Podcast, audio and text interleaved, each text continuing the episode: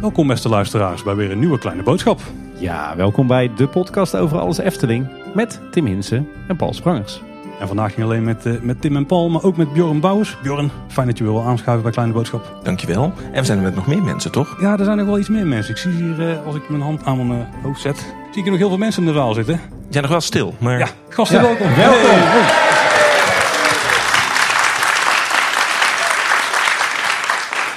Kijk, Dat hebben we anders nooit hè, bij Kleine Boodschap in de studio. Zoveel mensen passen er ook eigenlijk niet in. eh, nee, we hebben één keer publiek gehad, maar er was één iemand op een stoel in de hoek. Ja, precies.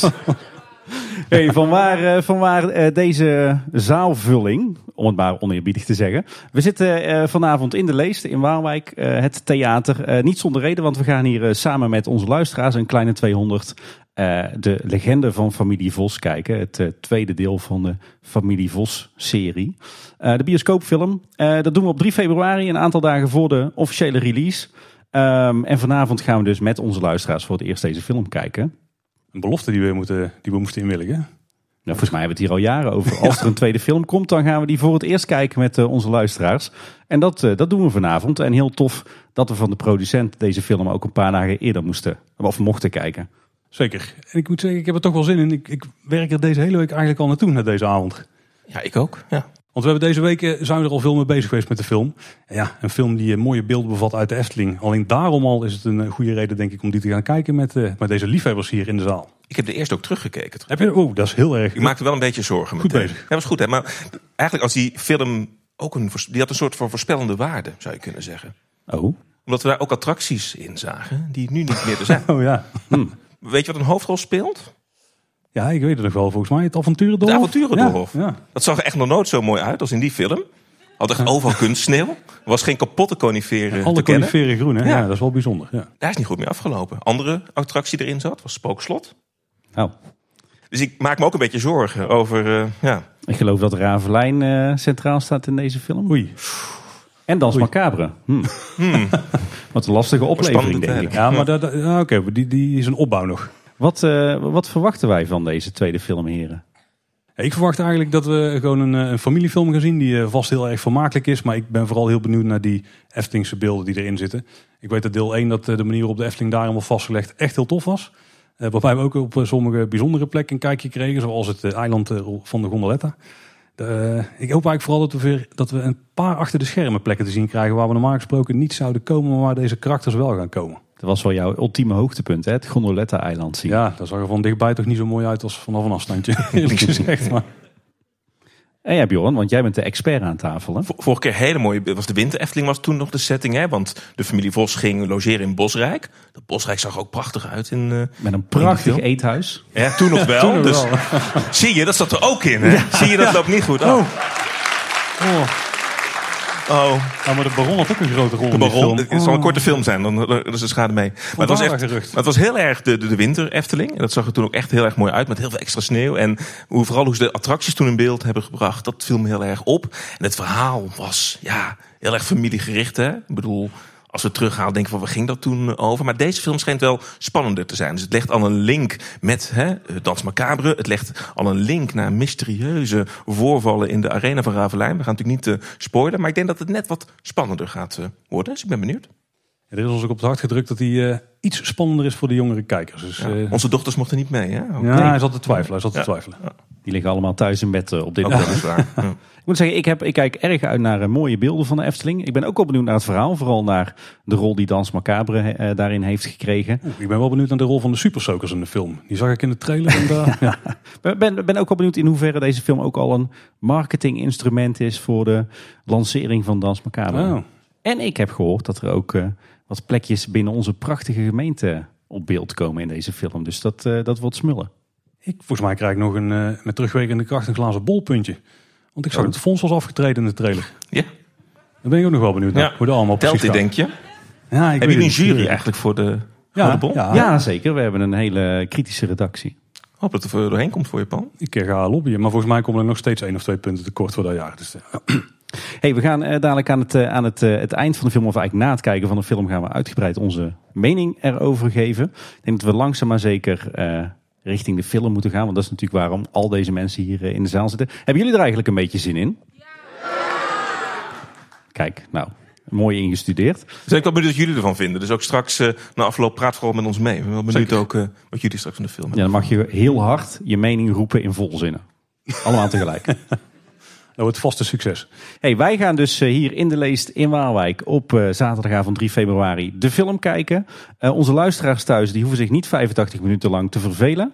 Eh, want die gaan luisteren naar een interview dat wij eerder deze week hadden met eh, producer Lucio Messercola.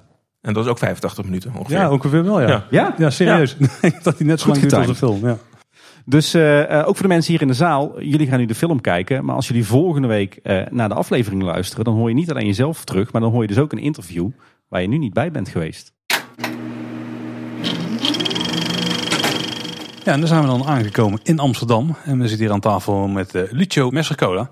En jij bent de producent van de film, Lucio. Heel fijn dat je wil aanschuiven bij Kleine Boodschap. Want eh, ja, een film die is opgenomen in de Efteling, daar willen wij natuurlijk alles over weten.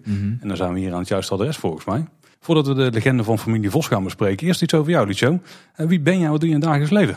Nou, ik ben, eh, jij spreekt mijn naam trouwens best goed uit. Dank je. Moet ik je heel, heel eerlijk zeggen. Complimenten. Ik doe mijn best.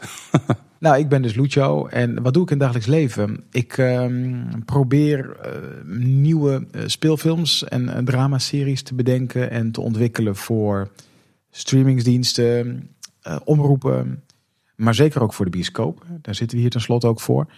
En soms dan gaat dat heel goed en is dat een groot succes. En soms ook minder en daar leer je van. Eh, dat is een beetje in een notendop wat ik, eh, wat ik doe. In het, dagel- in het dagelijkse leven, zoals je dat zo mooi noemt. Ja. En eh, wat zijn films of tv-producties waar onze luisteraars jou wellicht van kunnen kennen? Ja, dat is best grappig eigenlijk. Die vraag die krijg ik vaker. En ehm, we hebben best, best wat, wat bijzondere producties gemaakt. Het meest recente is eh, Een moord kost meer levens. eh, gebaseerd op een boek van Peter de Vries. Dat op Videoland staat. Maar gek genoeg kennen de meeste mensen mij van de grote Sinterklaasfilm. ja, dat snap ik. Daarmee heb ik een beetje, als ik dat al zo mag noemen, maar een beetje het zwiebertje effect aan mijn kont hangen. En daarom is dat ook zo leuk om te maken, omdat het een ontzettend groot publiek bereikt, de grote Sinterklaasfilm. En ook heel veel publiciteit krijgt altijd. En dat komt natuurlijk door de geweldige cast die ieder jaar weer meedoet. Ehm, dus ik, ik, vaak als, ik, als mensen mij vragen van God, ehm, noem eens wat producties die je doet. Dan eh, eh, zijn er een hoop dingen die ze, die ze kennen. Een aantal dingen die ze niet kennen.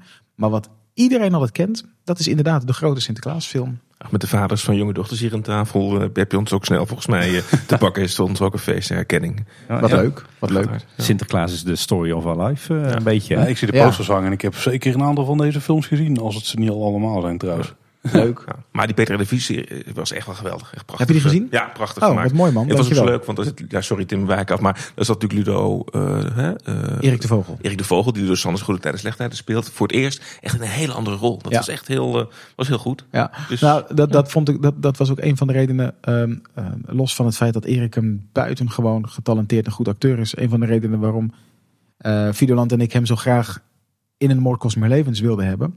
Omdat het eh, voor hem een, een, een heel uitdagend uitstapje was.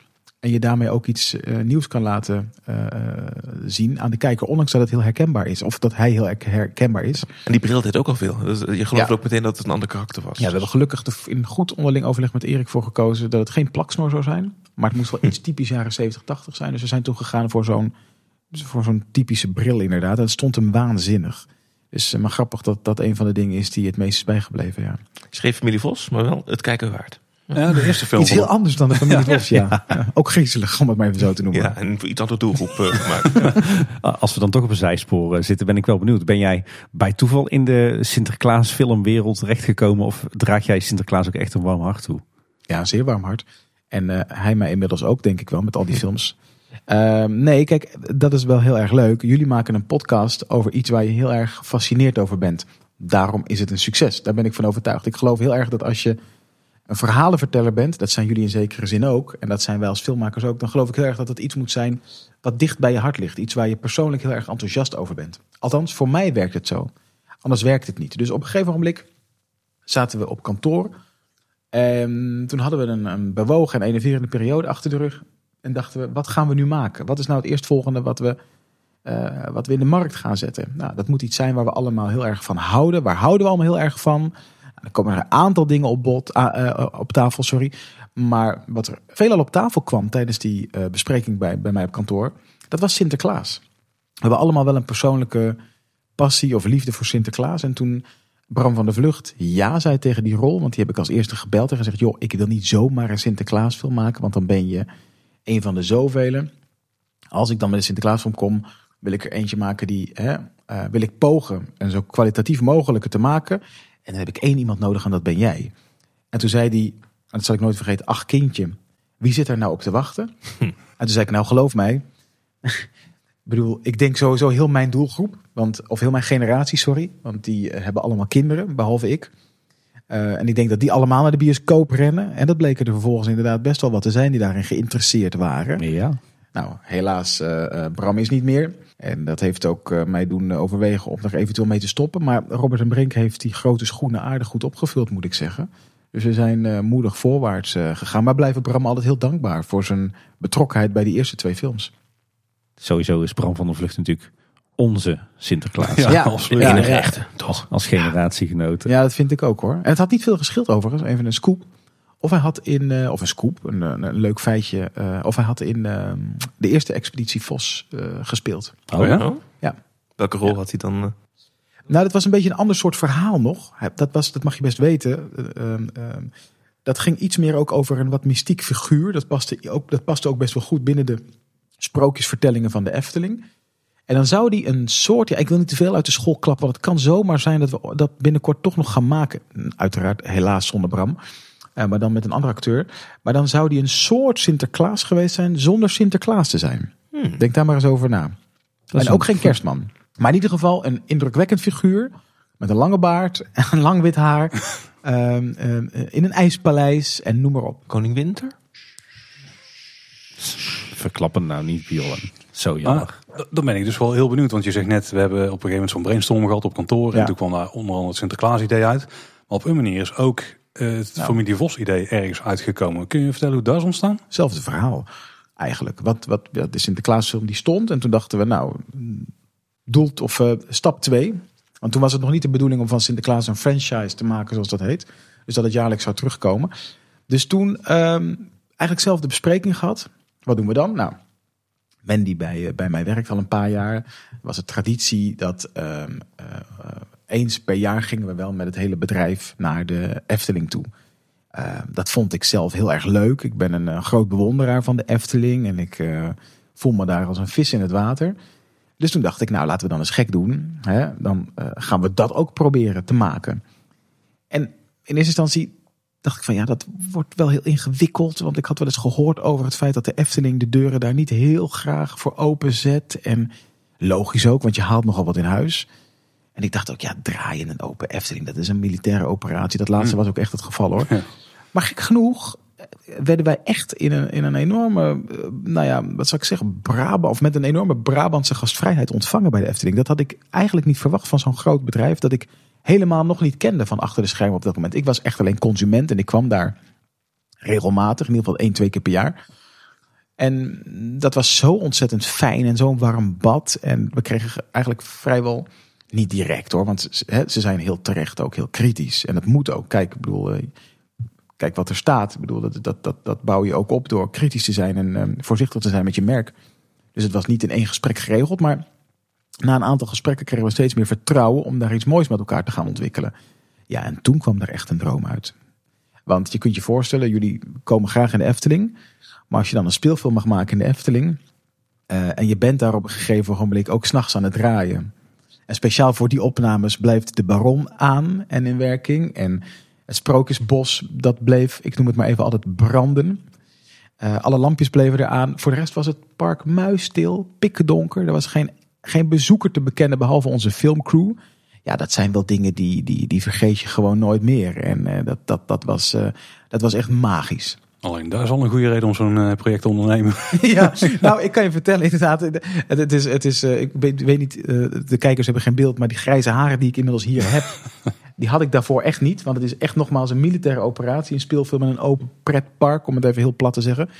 Maar dat soort herinneringen en ook, ook de samenwerking met de Efteling was was en is echt heel fijn. Het, zijn, ehm, ja, het is natuurlijk gewoon heel. Als je achter die schermen mag kijken, dan krijg je nog meer bewondering voor wat, daarin, wat daar staat. En in zo'n klein land als Nederland hè, ook nog eens. Dat vind ik het allerknapste er nog aan. In zo'n klein dorp als Kaatsheuvel. Is, dat is echt onvoorstelbaar hoor. En laten we heel eerlijk zijn. Juist door heel toegankelijk te zijn, ook in de hele vormgeving en zo. Ik ben toevallig laatst ehm, eh, voor het eerst naar Disneyland Parijs geweest. Daar was, ik nog nooit geweest. Dat is eigenlijk heel gek voor mijn doen.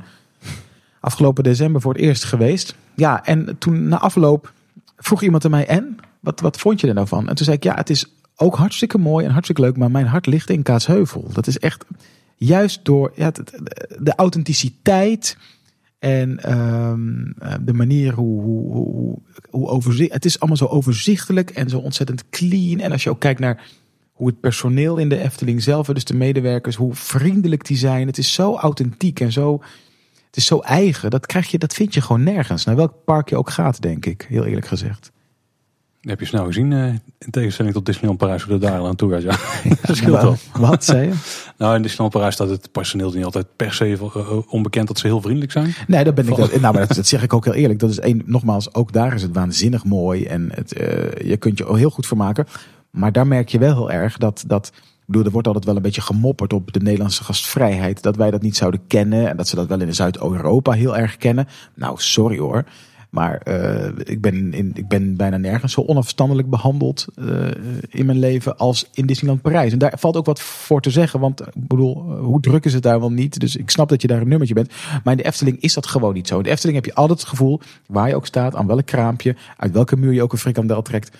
Je hebt altijd het gevoel alsof ze je kennen persoonlijk. Die jongens en meisjes die daar werken. Dat vind ik echt eh, waanzinnig knap. Mooi. Ik ben heel erg benieuwd hoe het balletje verder is gerold. Er was dus contact tussen jullie en de Efteling. Ja. Ja, er is een idee voor een film, maar hoe, hoe pril is dat idee? Was het vooral van we willen iets in de Efteling doen, maar wat het precies gaat worden is nog onbekend? Of hadden jullie al een idee voor een verhaal? Of... Ehm, nee, dat, wat, je, wat je zegt klopt. Het, was een, het is wel een lang ontwikkeltraject geweest. Omdat het ook ehm, heel erg moest passen bij wat de Efteling wilde uitstralen. En wilde vertellen. Dus we hebben echt aan eh, de mensen daar gevraagd. Ehm, wat vinden jullie nou passen? Wat zijn voor jullie ehm, films waarvan je denkt... Nou, dat had nou heel goed gepast binnen ons decor. Nou, er kwamen wel een paar antwoorden op. En een paar inspiratiebronnen. En toen, eh, ik heb vaker gewerkt eh, met Job en Nienke Reumer. En ik vind dat zij heel goed en heel geestig schrijven. Zijn overigens ook Efteling-fan. Vooral van de winter Efteling, want dan kunnen ze snel overal door en er zijn er geen wachtrijen. Dat heb ik geleerd van Nienke Reumer. Om in de, als je naar de Efteling gaat, ga dan tijdens de winter Efteling.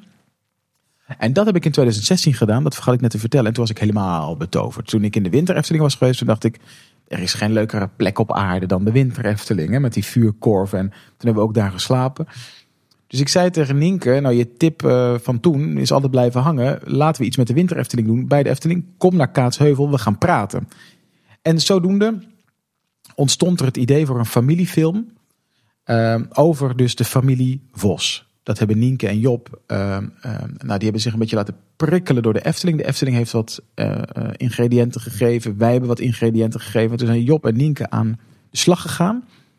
En die kwamen dus met, met dat verhaal, met die familiefilm. En toen dacht ik, ja, dat is het. Want dat is inderdaad heel herkenbaar voor heel veel generaties.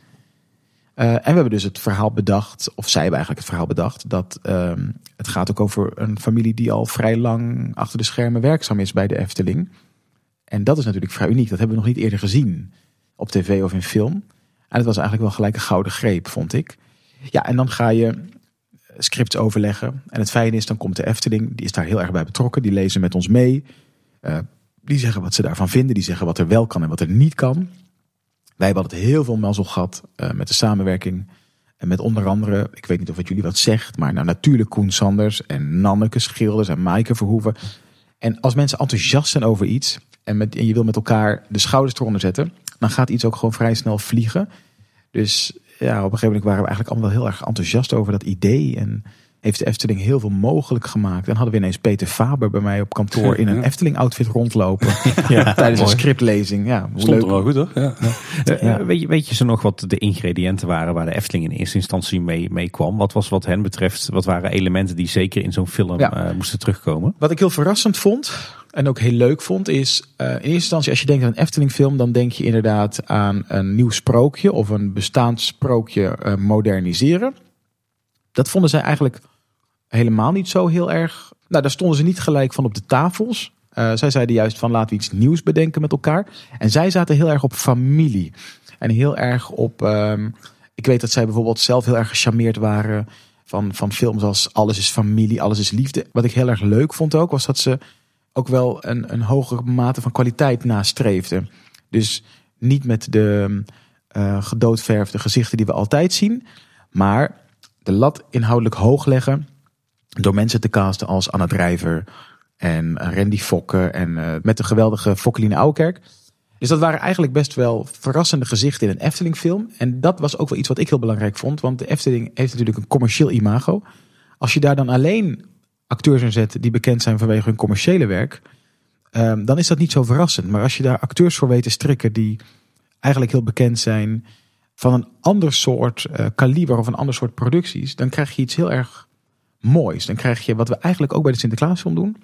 Je zet Martin van Waardenberg, een acteur die heel uh, enorm bekend staat uh, vanwege zijn, nou, zijn kwalitatieve spel en de kwalitatieve titels die hij gedaan heeft. Zet je in dezelfde scène als met Martien Meiland. En dat levert vaak een enorme leuke, bijzondere chemie op. Nou, dat hebben we dus ook gedaan met, met de Efteling. En ja, daar moet ik heel eerlijk zeggen, dat, dat heeft ons geen windeieren gelegd. In die zin dat daar heeft het publiek heel leuk op gereageerd. Heel positief op gereageerd. Het is eigenlijk ook wel een mooie keuze dat je inderdaad juist niet dan een sprookje verfilmt of nee. een verhaal nee. uit de Efteling. Dat nee. eigenlijk de Efteling zelf of ja. het decor vormt van het verhaal. Is dat Klopt. daarmee ook een bewuste keuze? Mm, kijk, ja, je wil een film maken in de Efteling. Dus het is wel de bedoeling, dat was vanaf het allereerste moment de bedoeling dat de Efteling als decor zou fungeren. Linksom of rechtsom. Maar deze insteek zag ik van tevoren niet aankomen. We hadden in eerste instantie hadden we iets. iets ja, ik, ik had ook nog geen idee hoor, moet ik zeggen. Ik ben gewoon, we zijn vrij blanco die gesprekken met elkaar ingegaan. Hebben gezegd: willen jullie dit? Ja. Dan gaan we iets nieuws ontwikkelen. Um, en dat kan inderdaad zijn een bestaand sprookje of een nieuw sprookje bedenken. En toen kwam eigenlijk al vrij snel ter sprake dat we niet dat gingen doen, maar dat we gewoon eigenlijk een heel herkenbaar, mooi, ontroerend en toegankelijk verhaal gingen vertellen over mensen die net als jij en ik heel erg houden van de Efteling en bereid zouden zijn hun leven te geven voor het park. En die mensen die bestaan. Er zitten er hier er zitten er drie aan tafel, denk ik. Misschien vier, ja. En nou, dat, ik denk dat ik het in, eigenlijk ook wel in zekere zin gedaan heb. Want nogmaals, uh, produceren uh, met een wat lager budget in een open Efteling is best wel uh, spannend. Nee, maar en, en dat, dus die herkenbaarheid en die toegankelijkheid die was, dat sprak hun heel erg aan. Dat sprak ons ook heel erg aan. Om, om zo'n soort verhaal te vertellen in plaats van een, iets wat je heel erg verwacht bij de Efteling. Inderdaad, een, een spannend sprookje met een heks en een, uh, en een ridder of, iets dergelijks. Maar juist, juist dat helemaal niet te doen. Maar gewoon eigenlijk uit die wereld te stappen. En hem te vertellen vanuit het perspectief zoals jij en ik hem ook kennen. Als bezoeker. En uh, nou, dat heeft heel erg gewerkt. Als ik daar met een liefhebbersblik naar kijk, dan denk ik van, oh super vette film in de Efteling, al die mooie beelden uit het park en zo. Ja. Maar je kan ook een meer cynische blik pakken en denk je misschien, oh dit is echt gewoon één grote reclamefilm voor de Efteling. Is er nog ergens een balans die je moet, uh, ja, moet, moet ja, in de gaten moet houden of zo? Of was het gewoon, nee, we mogen all-out gaan, geen reclame, reclamecodecommissie, want er zijn dingen waar je met zo'n film niet mee te maken hebt, denk ik. Nee, dat, dat, dat, dat speelt alleen als je inderdaad eh, consumeerbare producten gaat promoten en terecht ook. Nou kijk, wat ik heel, heel uh, tof vond, om het maar even heel gek te zeggen, van de Efteling, is dat ze ook helemaal geen. Gek genoeg wilden ze wel natuurlijk die film omarmen, maar ze wilden niet dat het een commercial zou worden. En dat kun je maar op één manier bewerkstelligen. En dat is door in eerste instantie uh, niet letterlijk expliciet te vermelden. Kijk het ons eens leuk hebben in de Efteling. En kijk eens hoe leuk het hier is. En god, wat hebben we toch, wat is het toch een, een, een bijzonder park. Als je dat letterlijk en expliciet gaat zeggen, dan wordt het een commercial. Dus Nienke Reumer zij ook vanaf het begin af aan. Maar we hebben ook personages nodig die het eigenlijk helemaal niet leuk vinden om naar de Efteling te gaan. Dus dat vertel je eigenlijk ook via een personage als dat personage van Fokkelien Ouwekerk. Die eigenlijk zoiets heeft van, moeten we weer? Want op een gegeven moment zegt een van die meisjes van, uh, kom mama, we gaan uh, naar Roodkapje. En dan zegt ze, nee, we gaan naar de koffie, is ook heel leuk. En ja, dan krijg je dat het gewoon eerlijk wordt en uh, gelaagd en uh, voor een brede doelgroep. Want er zijn ook mensen, ze bestaan, je zou ze eigenlijk allemaal naar een onbewoond eiland moeten sturen. Nee hoor, maar er bestaan natuurlijk ook mensen die het niet leuk vinden om naar de Efteling te gaan. Ja, ik ken ze niet en ik wil ze ook niet kennen, maar ze bestaan echt. Nou, er zit denk ik ook wel heel veel herkenbaars in Ja. voor mensen die met de familie Absoluut. een dag naar de Efteling gaan. Ja, op sleeptouw eh, worden... Moeten. Ja, moeten. Ja, inderdaad. Er zitten ook aardig wat herkenbare frustraties in eh, ten aanzien van het thema familiedag. Nou, dat is het een beetje. Dat is een beetje familiedag. En wat ik net vertel, ik zei wel tegen Nienke al vanaf het begin. Want Nienke ging dan wel in de winter Efteling. Of ging dan in de. Ja, ging naar de winter Efteling. Maar die ging dan op en neer. En ik ben daar toen een mm, veel te lang weekend gebleven. En toen zei ik tegen Nienke. Als je dan ziet wat er zich allemaal achter die. eh, in die huisjes afspeelt. Achter die eh, raampjes. Die schattige raampjes met die schattige gordijntjes. Dat is drama. Dat is herkenbaar. We moeten dus inderdaad iets doen met de winter Efteling. En dan betrekken we daar Bosrijk bij. En jongens, nou, een beter decor kun je niet krijgen dan Bosrijk. Het is echt. Oh, het is toch waanzinnig. Ik vond het echt. eh, nou ja, van een hoge production value, zoals wij dat noemen. Nee, maar het werkt ook wel om- het ook daar op te nemen. Niet, alleen in het park te houden. Waarbij ik het Nee, trouwens wel heel tof vond dat de Efteling het niet schuwde om ook wat minder mooie plekken van het park te laten zien. Zoals het eh, eiland eh, Ja, in de Klopt. Gondoletta-vijver bijvoorbeeld. Ja, maar de Efteling, wilde, de Efteling wilde ook expliciet dat het niet een Efteling commercial zou worden. Dus dat we wel kritisch mochten zijn. En dat we ook eh, dingen mochten laten zien. En nogmaals, dat vind ik zo ontzettend tof en sportief van ze. Eh, want dat zegt, dat zegt dus heel veel over hoe dat bedrijf gerund wordt. Dus niet alleen maar eh, eh, tegen een producent zeggen van ja, je mag je wel draaien, maar dan is alles alleen maar. Hè, het, is iets allemaal, moet er goed uitzien en het moet alleen maar positief zijn. Nee, want bedoel, dat is het echte leven ook niet. Dus als je iets herkenbaars wilt maken, dan moet die andere kant moet ook voelbaar zijn. En dan moet je, als je de deuren opent, moet je ze ook naar alles toe openen. Dat vind ik heel knap. En dan krijg je een film die door voor heel veel mensen interessant is. En ook attracties die- die zelfs nu niet meer open zijn. Hè? De Ja. Avonturendolhof, het Spookslot staat allemaal eh, in het eerste deel. Het is ook bijna een Klopt. soort van eh, historische Nostalgie. film geworden. Ja, Nee, dat ben ik met je eens. Dat ben ik echt met je eens. Want ik bedoel, laatst toen hoorde ik de muziek van het Spookslot. En toen dacht ik, dat zit notabene nog wel in onze film. Ja, dat klopt. Dat zijn een van de laatste levende beelden van de doden in het Spookslot. Ja. Hey, wij, alle drie of alle vier hier aan tafel hebben de film De Expeditie van Familie Vos meermaals gezien. Tenminste, Ja. ik heb thuis de DVD eh, nog steeds liggen. Eh, maar er zijn ook luisteraars die zullen de film eh, helemaal nog nooit gezien hebben. Zou jij eens in een notendop kunnen samenvatten, Lucio, waar de eerste film over gaat? Wat het, ja, een beetje het, het plot is, zonder misschien alles weg te geven. Hoor je me graven?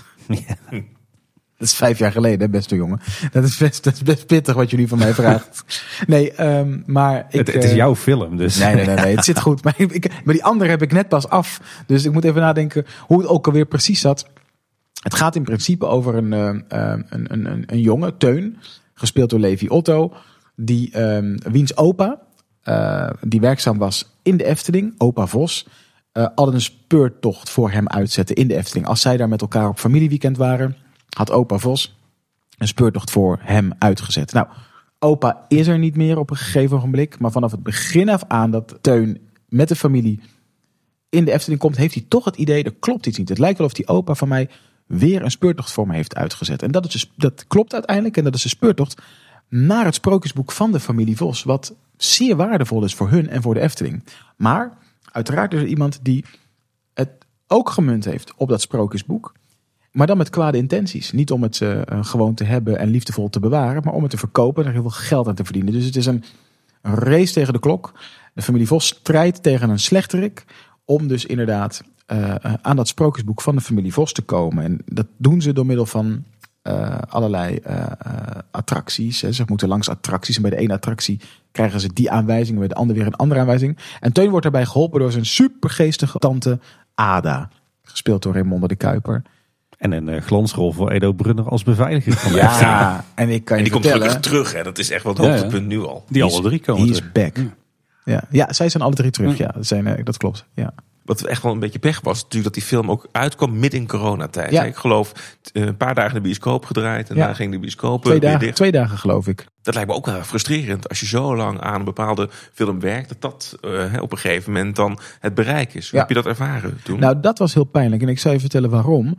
Omdat ik oprecht vind, en ik, eh, ik, ik moet het erbij zeggen, ik wil geen enkele maker eh, waarmee ik ooit gewerkt heb, maar die niet aan Expeditie Vos gewerkt heeft, beledigen of passeren. Maar ik ben echt, echt wel van mening dat dat, zeker in die, in dat, in die periode van, van mijn carrière of de carrière van dit bedrijf, misschien wel het mooiste was wat ik gemaakt had. Tot dat moment.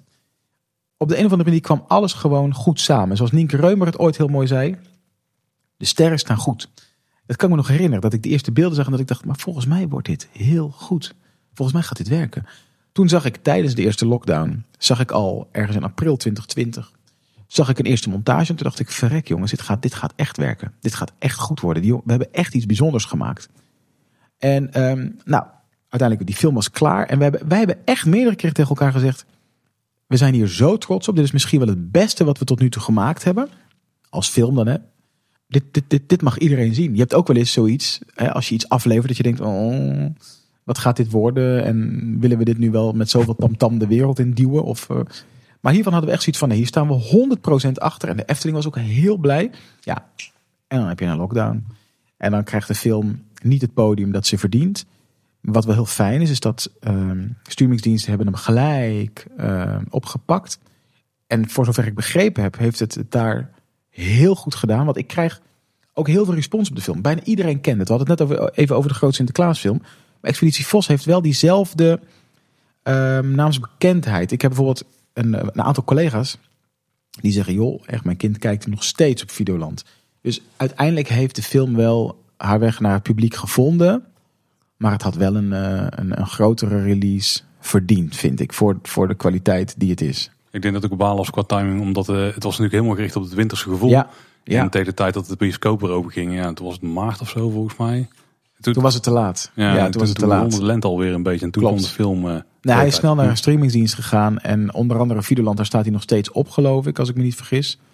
En um, wat ik begrepen heb, is dat hij daar nog steeds aardig doet. Nog steeds heel goed doet. Staat hij eigenlijk in de Efteling uh, sectie daar? Nee. Dat zou ik nee. nee. nee, dat niet. Nee, en dat omdat het ook geen Efteling productie is. Het is ah, okay. natuurlijk gewoon een productie van Mercecola en Just. En uh, althans van Mercecola en Just is de distributeur. Um, maar het is geen... De Efteling is niet de afzender. Dat dan weer niet. Dus daarom staat hij daar niet in. Maar uh, Efteling en Videoland, nou dat is gebleken met die, met die eigen ja. content uh, afdeling die er nu op staat. Is natuurlijk een enorme fit. Het, het past als, als, als een gek. Hoe lang uiteindelijk won de film ook een prijs? Hè? Een belangrijke publiek. Ja, ik het wordt. Belangrijk, mij. Precies, ik zag hem uh, staan. Hoe belangrijk uh, was dat voor je als waardering voor de film? Ja, grote verrassing. Vond ik heel mooi. Uh, want omdat de film niet de, niet de kans heeft gekregen om uh, op dat podium te stralen wat het wel had verdiend, was dit een hele mooie kers op de taart. Um, dus daar was, waren we echt heel blij mee. Maar het is ook niet zomaar een prijs. Hè? Want weet je waarom? Ik, het, is, het, is een, het is de uh, publieksprijs. Dus dat wil zeggen dat niet een of andere zure jury die film beoordeeld heeft. Maar gewoon de kinderen zelf. Dat is wat je wilt. Dat is de doelgroep. Dat is de doelgroep. Ja, laat hun het maar bepalen. Ik bedoel, wat interesseert mij het wat een recensent ervan vindt? Als de doelgroep het maar leuk vindt. En als we het over doelgroep uh, hebben, is het dan inderdaad de klassieke doelgroep van een familiefilm, een Nederlandse ja. familiefilm? Ja, dit was echt een familiefilm. Dit was geen kinderfilm. Nee, dit was absoluut geen kinderfilm. Dit was echt een familiefilm. Ja, ik zeg niet kinderen inderdaad, maar wij hebben ook gewoon met het hele gezin gekeken. Ja. ja. ja. Absoluut. Maar, maar even doorpakken naar het hier en nu. Want we hebben het tot nu toe natuurlijk gehad over de eerste film, Expeditie van Familie Vos. Uh, ja. We zitten hier natuurlijk nu bij elkaar voor de legende van Familie Vos. Wat was het moment dat jij dacht, nu wordt het tijd voor een tweede deel? Nou, dat moet ik heel eerlijk zeggen. Dat was eigenlijk mijn vriend Mark, die ook in, uh, bij mij, uh, of, en het is niet alleen mijn vriend, maar ook mijn collega. En die zei van, joh, uh, zeker na het winnen van de publieksprijs, laten we doorgaan met, uh, met het merk Familie Vos. Laten we een tweede uh, deel gaan ontwikkelen. En toen dacht ik, ja, maar alleen als we echt een goed verhaal kunnen bedenken. Een nieuw en goed verhaal. Iets heel anders dan dat we tot nu toe hebben gezien. Ja, kijk, en daarvan weet je nooit van tevoren of dat dan ook gaat werken. Of, of, of de mensen dat ook gaan pikken. maar dat kun je aan Nienke en Job wel overlaten. Uh, en wat ik ook weer heel leuk vond, is dat Nanneke en Maaike van Efteling dachten daar hetzelfde over. We hadden een eerste call. Ik zei, dames, willen we verder? Ja, nou fijn. Wat gaan we doen? Nou, zeiden zij, dan gaan we wel iets heel anders doen dan dat we tot nu toe gedaan hebben. En wij zijn allemaal wel een beetje fan van het griezelgenre. Zeker in deze betuttelende tijd, waarin kinderen helemaal niks spannends meer te zien krijgen. En uh, weet je, dat is allemaal, allemaal zo roze. En uh, ontzettend, uh, ja, nou, betuttelend, net wat ik eigenlijk zeg. Dus toen dachten wij, laten we dan gewoon een spannende film maken voor kinderen vanaf zes jaar. En ook dan is het decor van de Efteling natuurlijk buitengewoon geschikt. Laat dat voorop staan. Dus uh, ja, zodoende. En dan loop je er wel tegenaan dat de enige echte griezelige attractie die ze hadden, die het net gesloopt. Ja, maar daar gaat deze film wel over. Ja, precies. Ja. Daar hebben jullie gewoon meegepikt eh, in Ja. het onderwerp. Ja. Nou ja, eh, kijk, dat was natuurlijk op een gegeven moment werden er ook kamervragen gesteld hè, over de sloop van die. eh, dus je, je moet actuele thema's in je films verwerken. Dus toen dachten wij, laten we dan juist die sloop benutten en laat dan die film daarover gaan. En nogmaals, nou Nienke en Job hebben een waanzinnig goed idee bedacht. Echt hoor, petje af. En dit is het. Voordat we verder gaan kijken naar de totstandkoming van de film. Misschien wel goed als we eh, een beetje een beeld krijgen waar die film over gaat. Nu komt deze aflevering natuurlijk uit op 7 februari. Ja. De release van, eh, van de film. Dus geef vooral niet te veel weg. Maar kan je een klein beetje teasen wat de verhaallijn is van de film? Ja, zeker. Ehm, de, de, de Efteling eh, begint met de bouw van ehm, de nieuwe eh, attractie op de plaats van het spookslot. Of waar het spookslot eerst stond, dus Dans Macabre. Komt daar te staan natuurlijk. En er komt op datzelfde moment komt er een heel vaag eh, figuur in het leven van de familie Vos en ook van de directie van Efteling. Dat is Ronnie Ruig. Die wordt gespeeld door Buddy Vedder. Dat is een oude, ehm, hij, hij is niet oud, maar het is een voormalig eh, YouTuber die een ghost hunting kanaal had op YouTube. Dat- Die is heel erg afgegleden. En die ziet zijn kans gewoon om, dat, om de, de, de, de views en de abonnees van zijn kanaal weer op te bouwen. Dus die gaat met een verhaal naar de Efteling en naar de directie van de Efteling. En die zegt, joh luister eens, ik heb het echt gezien en ik heb het met mijn apparatuur echt gemeten. Maar het spookt op de plek van het spookslot, waar het spookslot ooit stond. Nou, de Efteling die wuift dat weg. Althans, Indra, de directrice van de Efteling, die zegt: Meneer Ruig, spoken bestaan niet. En Ruig denkt: Nou, dat zullen we eens gaan bewijzen. Of dat wel of niet zo is. En eh, eh, die gaat daarmee eh, aan de slag. Die gaat, die gaat dus proberen om de Efteling ervan te overtuigen dat het wel degelijk daar spookt. En dat ze hem moeten inhuren om die geesten of die spoken te verdrijven. Maar op dat moment gebeuren er ook echt wel hele gekke dingen die die Ronnie Ruig ook niet in de hand heeft. Dus de grote vraag van deze film is: spookt het op de plek van het spookslot of niet? Niemand durft maar naar de Efteling, denk ik ineens, naar deze, naar deze pitch. ik denk dat mensen denken, dat is daar aan de hand. Maar dat is ook een beetje de bedoeling. Want ehm, ik weet het nu ook niet. Aan het einde, aan het einde van de film komt de waarheid, naar, eh, naar, naar, komt de waarheid boven water. Maar het zou zomaar kunnen zijn dat er echt geesten daar, klopgeesten daar rondhangen, wie weet. Ik wil bijna teruggrijpen naar een liedje van Bassie en Adriaan. Ik weet Spoken dat er- bestaan niet. Ja, precies. We hebben een grote Ja. fan hier aan tafel. Dus Klassieker toch? Ja, Ja. ja. klassiekers. Ja. Spoken bestaan niet. En ehm, ja, nou, ik zou zeggen, kijk de film, maar dat is heel spannend. Want in eerste instantie denk je, ah, weet je, het is die Ronnie Ruig en eh, die zit erachter. Maar er gebeuren hele rare dingen op een gegeven ogenblik in dat eh, mooie park. Ja, als, als producent heb je volgens mij echt de eindverantwoordelijkheid voor, voor die hele Ja. film. Je noemt al een aantal dingen. Dat je nadenkt over het script en over hoe, hoe dat productioneel eh, in het werk gaat. Niet alle luisteraars zullen precies weten wat die rol van die producent is. Kun je vertellen hoe je met dat idee, voor dat verhaal, hoe je dat dan, hoe je ervoor zorgt dat dat werkelijk een film is die we nu in de bioscoop kunnen gaan kijken? Ja, nou, je, je, je zegt het inderdaad goed. Het woord producent betekent ook eigenlijk letterlijk de maker. Vergelijk het altijd met Philips die een tandenborstel, eh, nieuwe tandenborstel op de markt brengt. Dan eh, is dat bedrijf gewoon eh, verantwoordelijk van A tot Z voor het, even heel plat gezegd, in de winkel krijgen van die tandenborstel. En dat geldt voor ons ook. Dat doet een producent van een dramaserie of een film niet anders. Je bent verantwoordelijk voor een goed, origineel, kwalitatief idee. Je bent verantwoordelijk voor de club mensen die dat idee moeten gaan uitvoeren, waardoor het ook op kwalitatief niveau eh, eh, wordt uitgevoerd. En je bent er verantwoordelijk voor dat dan er uiteindelijk voldoende geld komt om die film te maken, om die mensen die dat moeten gaan uitvoeren te kunnen betalen. En ervoor te zorgen, samen met die clubmensen, dat die film wordt thuisgebracht, zoals ik het altijd noem. Dus dat je gewoon je afspraken nakomt met je, met je distributeur of met je omroep of je streamingsdienst. En dat er na een bepaalde periode gewoon een, goede, een goed product ligt. En in de tussentijd eh, bewaak je dat hele productieproces en bewaak je het financiële gedeelte, maar bewaak je ook de kwaliteit door iedere dag naar de ruwe beelden te kijken. Door aan de voorkant met een regisseur naar, en in dit geval ook de Efteling en de distributeur naar een goede cast te zoeken. Dus eh, ja, dat, dat is inderdaad eh, die eindverantwoordelijkheid, die draag je als producent. En je brengt ook al die partijen en al die mensen die betrokkenheid hebben Ja. bij het maken Ja. van die film, breng je bij elkaar. Ja, dus dat doe je. Dus, want je moet, je moet voor die zak geld zorgen om die, om die makers in staat te stellen om een film te maken. En ehm, dus je moet partijen bij elkaar brengen. eh, of het nou filmfonds is, of een streamingsdienst, of een distributeur, of de Efteling.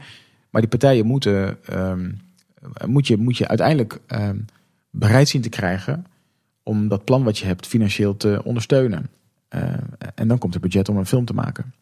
Volgens mij heb je als producent al duizend en één taken en verantwoordelijkheden. Ja. Maar houd jij je ook bezig met het, het creatieve deel van het proces? Met het script, met de beelden, met eh, decor, licht, geluid? eh, Ja, want net wat ik zeg, je bent eindverantwoordelijk over dat product. Dus als je je niet inhoudelijk bemoeit, als een chef-kok eh, van een goed restaurant niet weet wat er gekookt wordt, of de eigenaar van een goed restaurant, misschien is dat een betere vergelijking, als die niet weet of die, of die chefs-kok daar kwaliteit op tafel toveren, dan heb je wel een probleem. Je moet natuurlijk wel, je, wil weten wat je uiteindelijk je klanten voorschotelt en of dat voldoet aan het beeld dat je hebt als producent bij zo'n product. En ehm, of je daarmee ook je klant en nog veel belangrijker, je consument, dus je kijker, ehm, tevreden gaat stellen.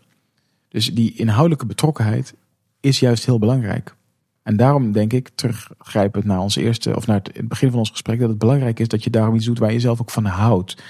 Dan is het ook interessanter om zo'n, en, en veel leuker ook om zo'n traject te begeleiden. Terwijl als je iets maakt over een thema, stel, ehm, ik zou eh, iets maken over, eh, nou, oh god weet ik veel. eh, ik kan even niet iets noemen waarvan ik nu zou zeggen van daar heb ik niet zo'n zin in. Maar dan, dan, ben je, dan ga je minder snel ga je, ben je bereid om, om, of bereid, of heb je lol in het zo goed mogelijk begeleiden van zo'n traject. Ja, ik kan me voorstellen dat ik ook weinig lol zou beleven aan het maken van een podcast over voetbal Nou, dat wou ik net 1. zeggen, voetbal. Nou, to- toevallig schiet me dit er binnen. Ja, ja, heel goed, ja. Dat is, zou voor mij een, echt een marteling zijn.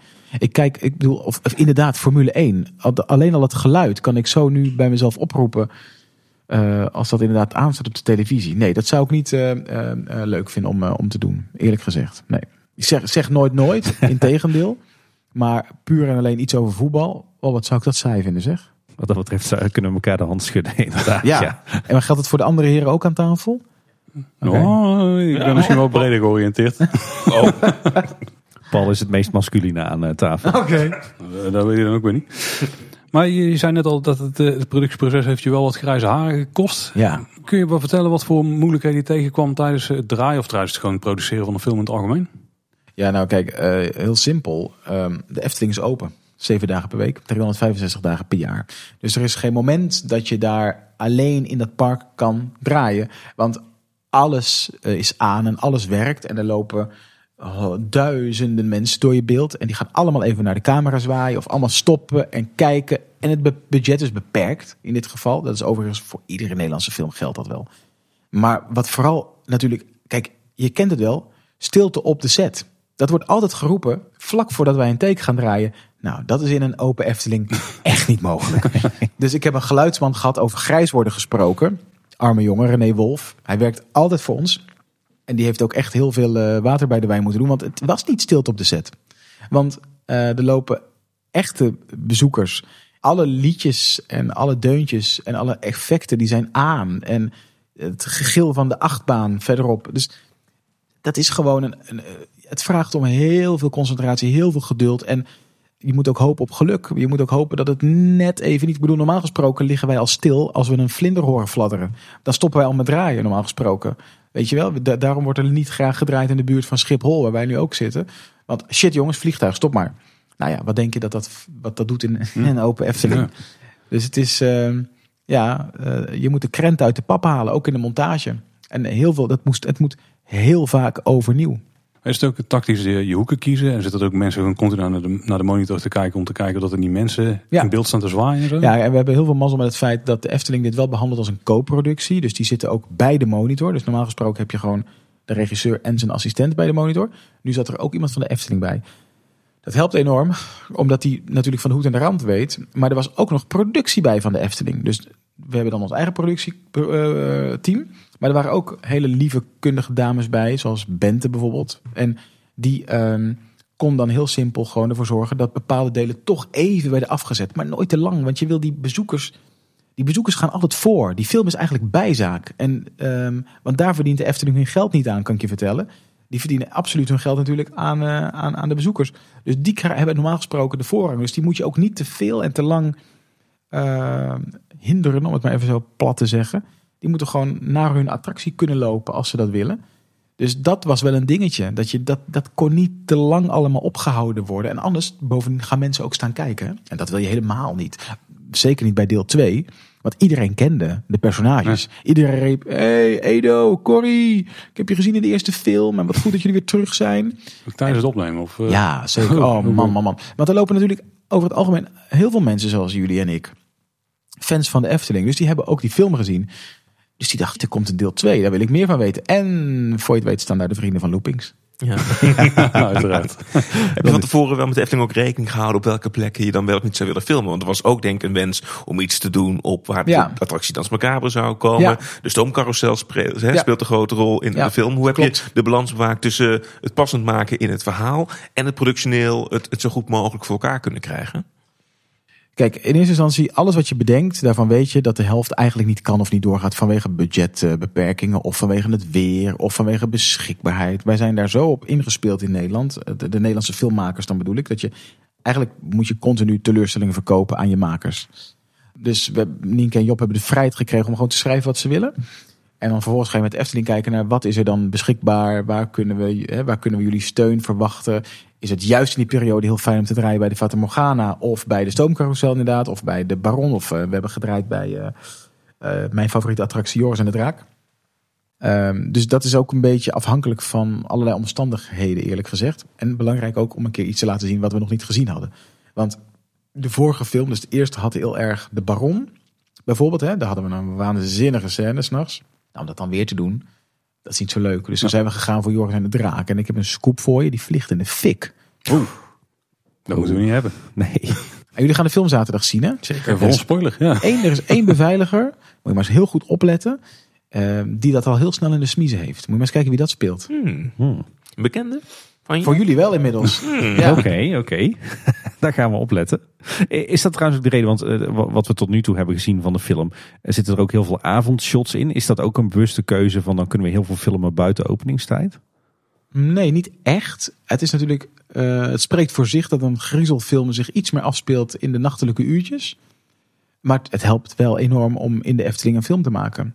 Dat is echt een verademing. Die crew die slaakt echt, nee, maar echt een zucht van verademing als, want het is ontzettend leuk om al die mensen te zien. Maar het is gewoon productioneel heel erg uitdagend. Dus het is heerlijk als je dan gewoon weer even je eigen plek hebt. En het is rustig en je kan zag, gewoon rustig door het park heen lopen. En er zijn geen eh, beperkingen in dat geval. Ja, ik heb jullie een keer eh, bezig gezien. was volgens mij op het Anton Pieckplein. Ik denk met een crew van 10 of 15 man nog. Maar dat was dan een kleine scène. Een kleine scène, oh, oké. Want ik wil net vragen, hoe groot is de gemiddelde crew die erbij is? Als ze dan de mensen van de Efteling niet meerekenen. Gewoon van jullie. Mm, 25, 30 man Zo. ongeveer. Ja, dus eh, was, was, was, was dat op. Dat was een, we hebben daar op het Anton Pieckplein hebben we gedraaid op een vrij zonnige dag. Zonnige, droge dag. Ja, was, ja. Ja, dat was voor een van de draaimolens. Ja, in de hoek, zeg Ja. maar. Ja. Oh, dat, is, dat was wel een hele leuke draaidag. Maar dat was nou precies zo'n scène waarbij de geluidsman bijna zijn oren van zijn kop wilde trekken. Want het werd maar niet stil. En die man, die zit al, weet ik veel, 30 jaar in het vak. En die heeft nog nooit dit meegemaakt. Dat hij gewoon de hele dag alleen maar staat te draaien in, in zijn ogen, of oren moet ik eigenlijk zeggen, lawaai.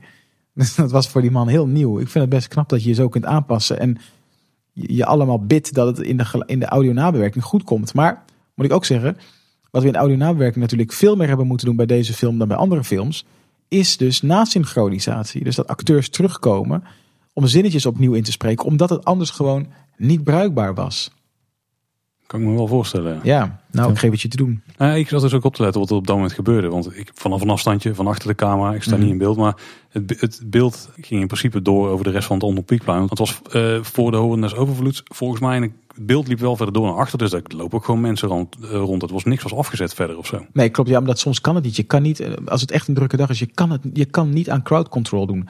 Want dan moet je het echt groots gaan afzetten. En wat krijg je dan? Dat de doorgang ook gewoon ehm, eh, stopt in het park. Dus dat je, want er is vaak niet een omweg. Je kan niet erom, je kan bepaalde wegen, daar kun je in de Efteling, tenminste voor zover wij weten, niet omheen lopen. Het is of dan die route of niet. Ja, en dan krijg je gewoon opstopping in het park. Dan krijg je files bij attracties. En ik weet nog wel, in 2019 is geloof ik ook de Amerikaanse president even naar Nederland gekomen. Of zo rond die tijd Ja. was er een, een, een, volgens mij een Amerikaans staatsbezoek. En toen spraken ze op het RTL Nieuws over een operationele of een militaire operatie.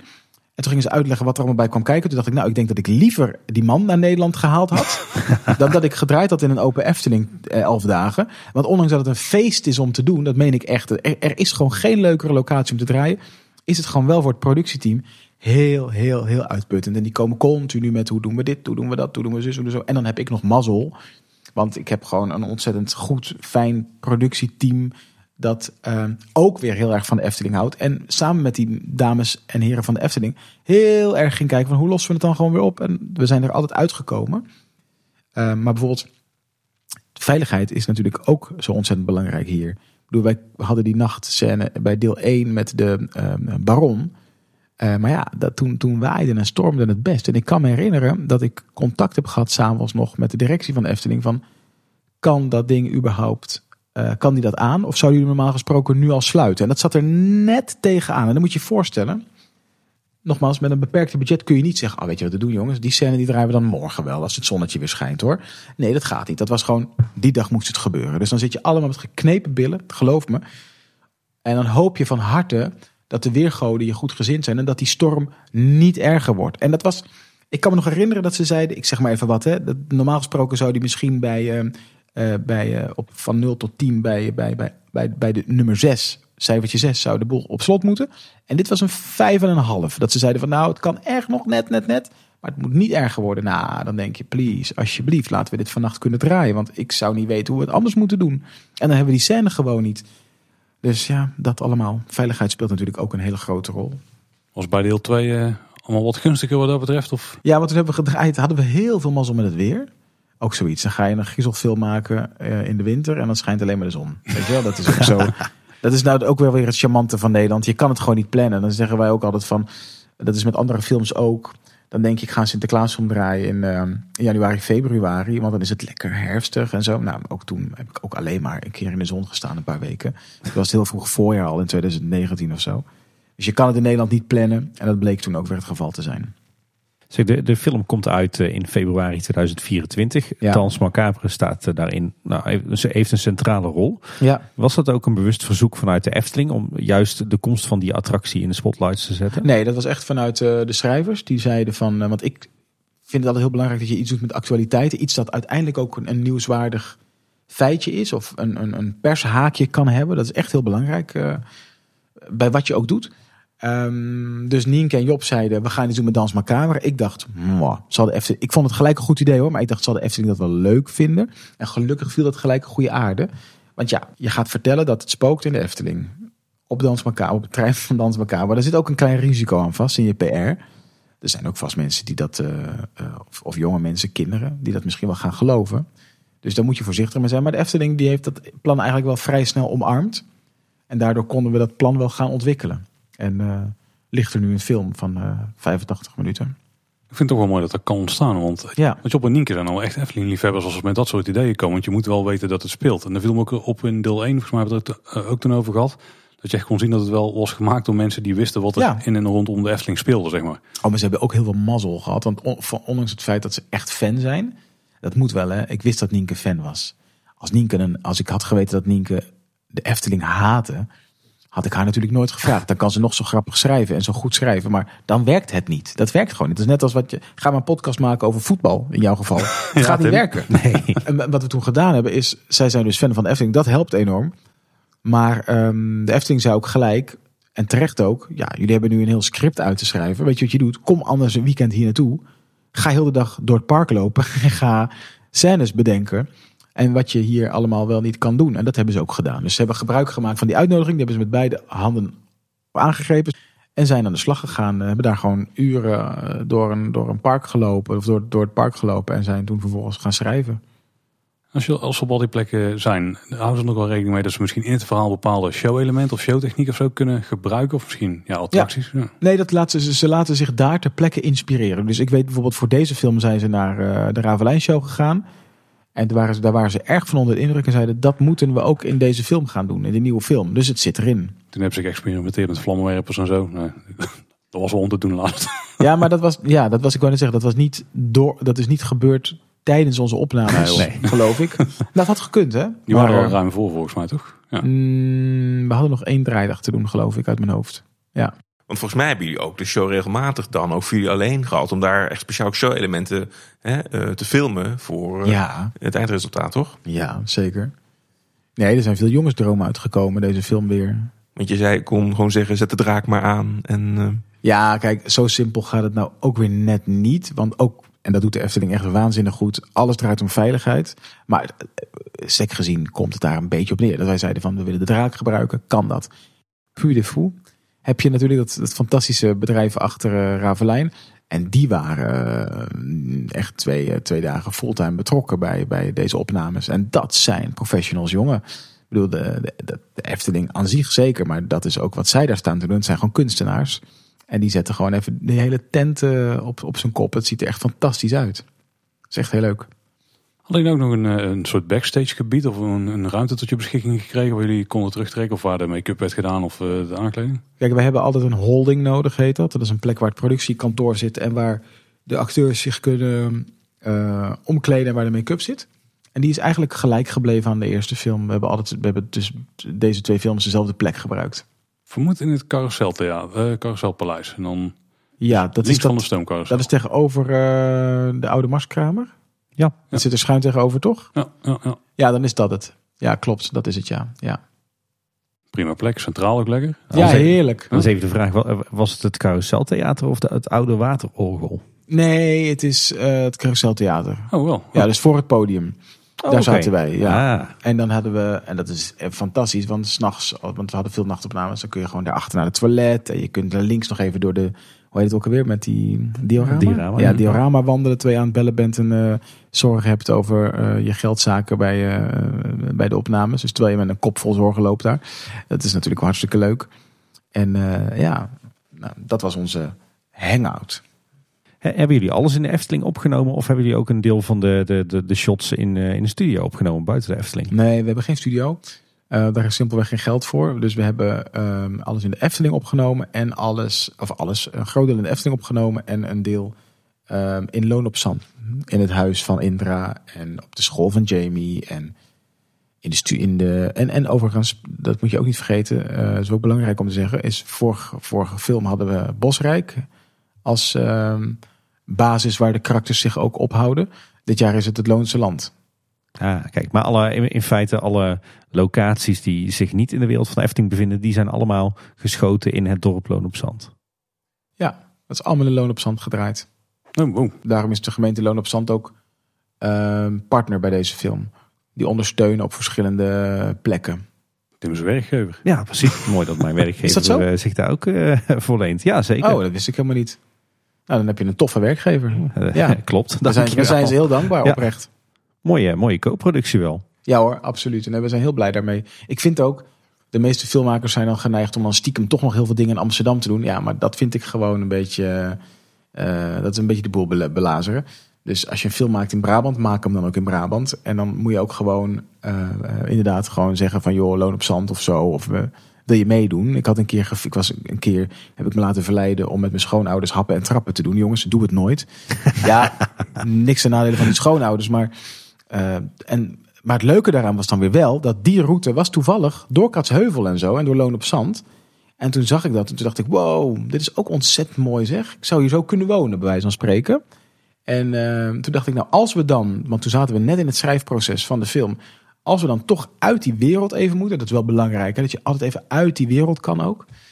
Eh, want je hebt toch wat lucht nodig in het verhaal. Dan daar. En zij waren gelijk, jouw werkgever was gelijk heel enthousiast. Mooi. Dus heeft dat happen en trappen toch nog wat opgeleverd. dus jij zei, ik ga heel graag met jullie mee happen en trappen. Maar eigenlijk was je gewoon locaties aan het scouten. Ik op dat moment wel, want en het, het leukste, het allerergste wat, wat, wat er was, is ze hadden me beloofd dat ik een elektrische fiets zou krijgen. Ik kom daar, nou, jullie mogen de rest invullen. Het was geen elektrische fiets. En dan moet je dus, happen en trappen duurt volgens mij acht uur of zo. Dan zit je acht uur op een fiets. Man, ik weet niet eens de weg naar de sportschool. Laat staan dat ik acht uur lang volhoud op een fiets. Dus dat, dat was aan de hand daar. Maar wat ik heel aangenaam vond, is dat ik dus dacht, of dat ik dus wist, de dag ervoor kregen wij te horen, heel spannend allemaal, dat het in die omgeving was. Toen dacht ik, het zal toch niet zo zijn dat ik dan morgen gewoon langs de Efteling fiets. En ja hoor, voor ik het wist, fietste ik zo langs de zijkant. Zag ik al die mensen in de Python. Ik ben nog nooit in mijn leven zo jaloers op mensen geweest. Ik dacht, ik wil daar zijn en niet hier op deze fiets. Eh, maar goed, dat inderdaad eh, bracht mij wel in de gemeente Loon op Zand. En toen dacht ik echt, wat is het hier mooi en wat is het zonde, uitroepteken. Dat niet meer filmmakers en niet meer uh, televisieprogrammamakers die kant wat meer optrekken. Want dat is ik vind het echt zo ontzettend sprookjesachtig. Niet alleen de Efteling, maar ook Loon op Zand en ook Kaatsheuvel. En heeft ook hele goede snackbarren. Trouwens. Maar daar weten jullie vast alles vanaf. Ik kan er wel een aantal aanwijzen, ja. Nou, ik ook. Jeetje zeg, dat, dat heeft me echt positief verrast. Dat is een onderwerp voor een volgende aflevering. Ja, graag. Ik doe graag mee. Die, die, hebben ze al eens een keer gemaakt. Wij hebben wel eens uh, ja. frietenten getipt ja, bij oh. Kleine Boodschap. Ja. Voor ja. de Efteling bezoekers? Ja.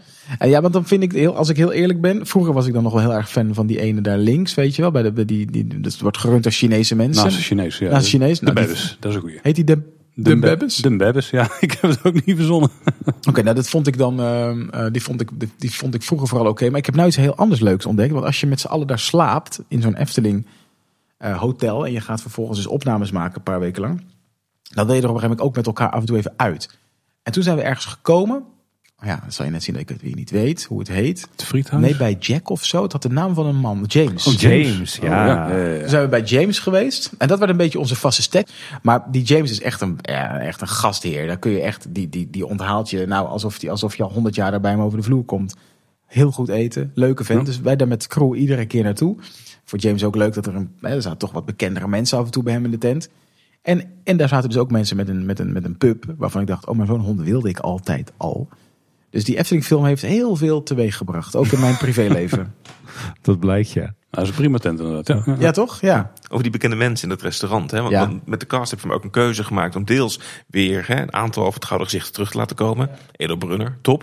En dat aan te vullen met wat eh, nieuwe gezichten ook. Ja. Hè? Maar als dat alleen vanwege het verhaal vulde je ook de cast weer een, een beetje fris en, en vernieuwen. Ja, het is, Dus dat- kijk, het is altijd goed in, in iedere setting of in, iedere terugkeer, in ieder terugkerend geheel om ehm, altijd een beetje dynamisch te casten. Dus om ehm, daar inderdaad soms een, een, een, wat een vernieuwing aan toe te voegen. Dat is altijd goed voor een, voor, voor een, eh, nieuwe frisse start.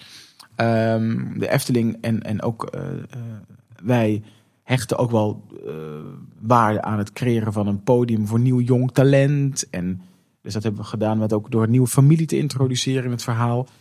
En waar je vooral heel erg naar moet kijken is, wat heeft het verhaal nodig? Dat vind ik altijd, we leven nu een beetje in een gekke tijd, hè? waarbij we bijna andersom gaan denken. Dus we gaan heel erg denken, wat ook zijn voordelen heeft, begrijp me niet verkeerd, maar men is heel erg geneigd om, te, om alleen maar te denken, al vanaf het begin, vanuit inclusiviteit en diversiteit. Terwijl wij vinden het heel belangrijk, laten we nou eerst een verhaal ontwikkelen. En als het verhaal er ligt, dan, gaan we, dan weten we wat we nodig hebben. En dan ga je mensen betrekken. En dat kun je heel inclusief en divers maken. Maar de, de, de, de, de start is volgens mij gewoon een goed verhaal bedenken. En vanuit daar gaan kijken wie heb je nodig. Eh, nou, eh, daar kwam heel snel weer de beveiliger eh Corrie te sprake. Dus toen was Edo zo weer opgetrommeld. En Edo is Efteling-fan en heeft ooit in onze eerste Sinterklaas gespeeld. Dus ze hebben een leuke relatie mee. Dus die deed gelukkig weer mee. Ja, Teun is natuurlijk weer van de partij. Gelukkig is Tante Ada weer van de partij. Ehm, Frederik is gelukkig van de partij. En dus ook hartstikke leuk wat nieuwe gezichten. En Buddy Verder heeft het ook zo ontzettend goed gedaan. Dat is echt... nou, ga dat zien zou ik zeggen. Want dan, die, die jongen is vooral bekend als een hele getalenteerde presentator... of van hele succesvolle tv-programma's. Het is, een, het is een ster. Het is echt fantastisch hoe hij die rol heeft neergezet. We zijn heel trots op hem. Wij gaan het zien. We hebben het al gezien tegen de tijd dat de aflevering uitkomt zelfs. Ja, precies. Oh, ja. We zagen in de, in de, de trailer onder andere dat eh, volgens mij eh, de grote vergaderzaal in kantoor Ravelijn dat die dienst deed als eh, directiekantoor. Hebben jullie zo nog meer bijzondere plekjes in de Efteling een, een, een rol gegeven? Je ziet ook, jullie zien echt alles, hè? Ja, sorry, dat is onze afwijking. Ja, ja, nee, nou ja, afwijking. Eh, volgens mij eh, is, is, is dat ook juist eh, het succes van, van wat jullie doen. Nee, ja, ik zeg misschien nee en dan is het misschien wel zo, omdat, het me gewoon onvoldoende, omdat ik het me onvoldoende herinner. Maar volgens mij niet. Volgens mij is het alleen zo dat we. Maar die zaal is ook prachtig, hè? laat dat voorop staan. Je zoekt altijd naar production value.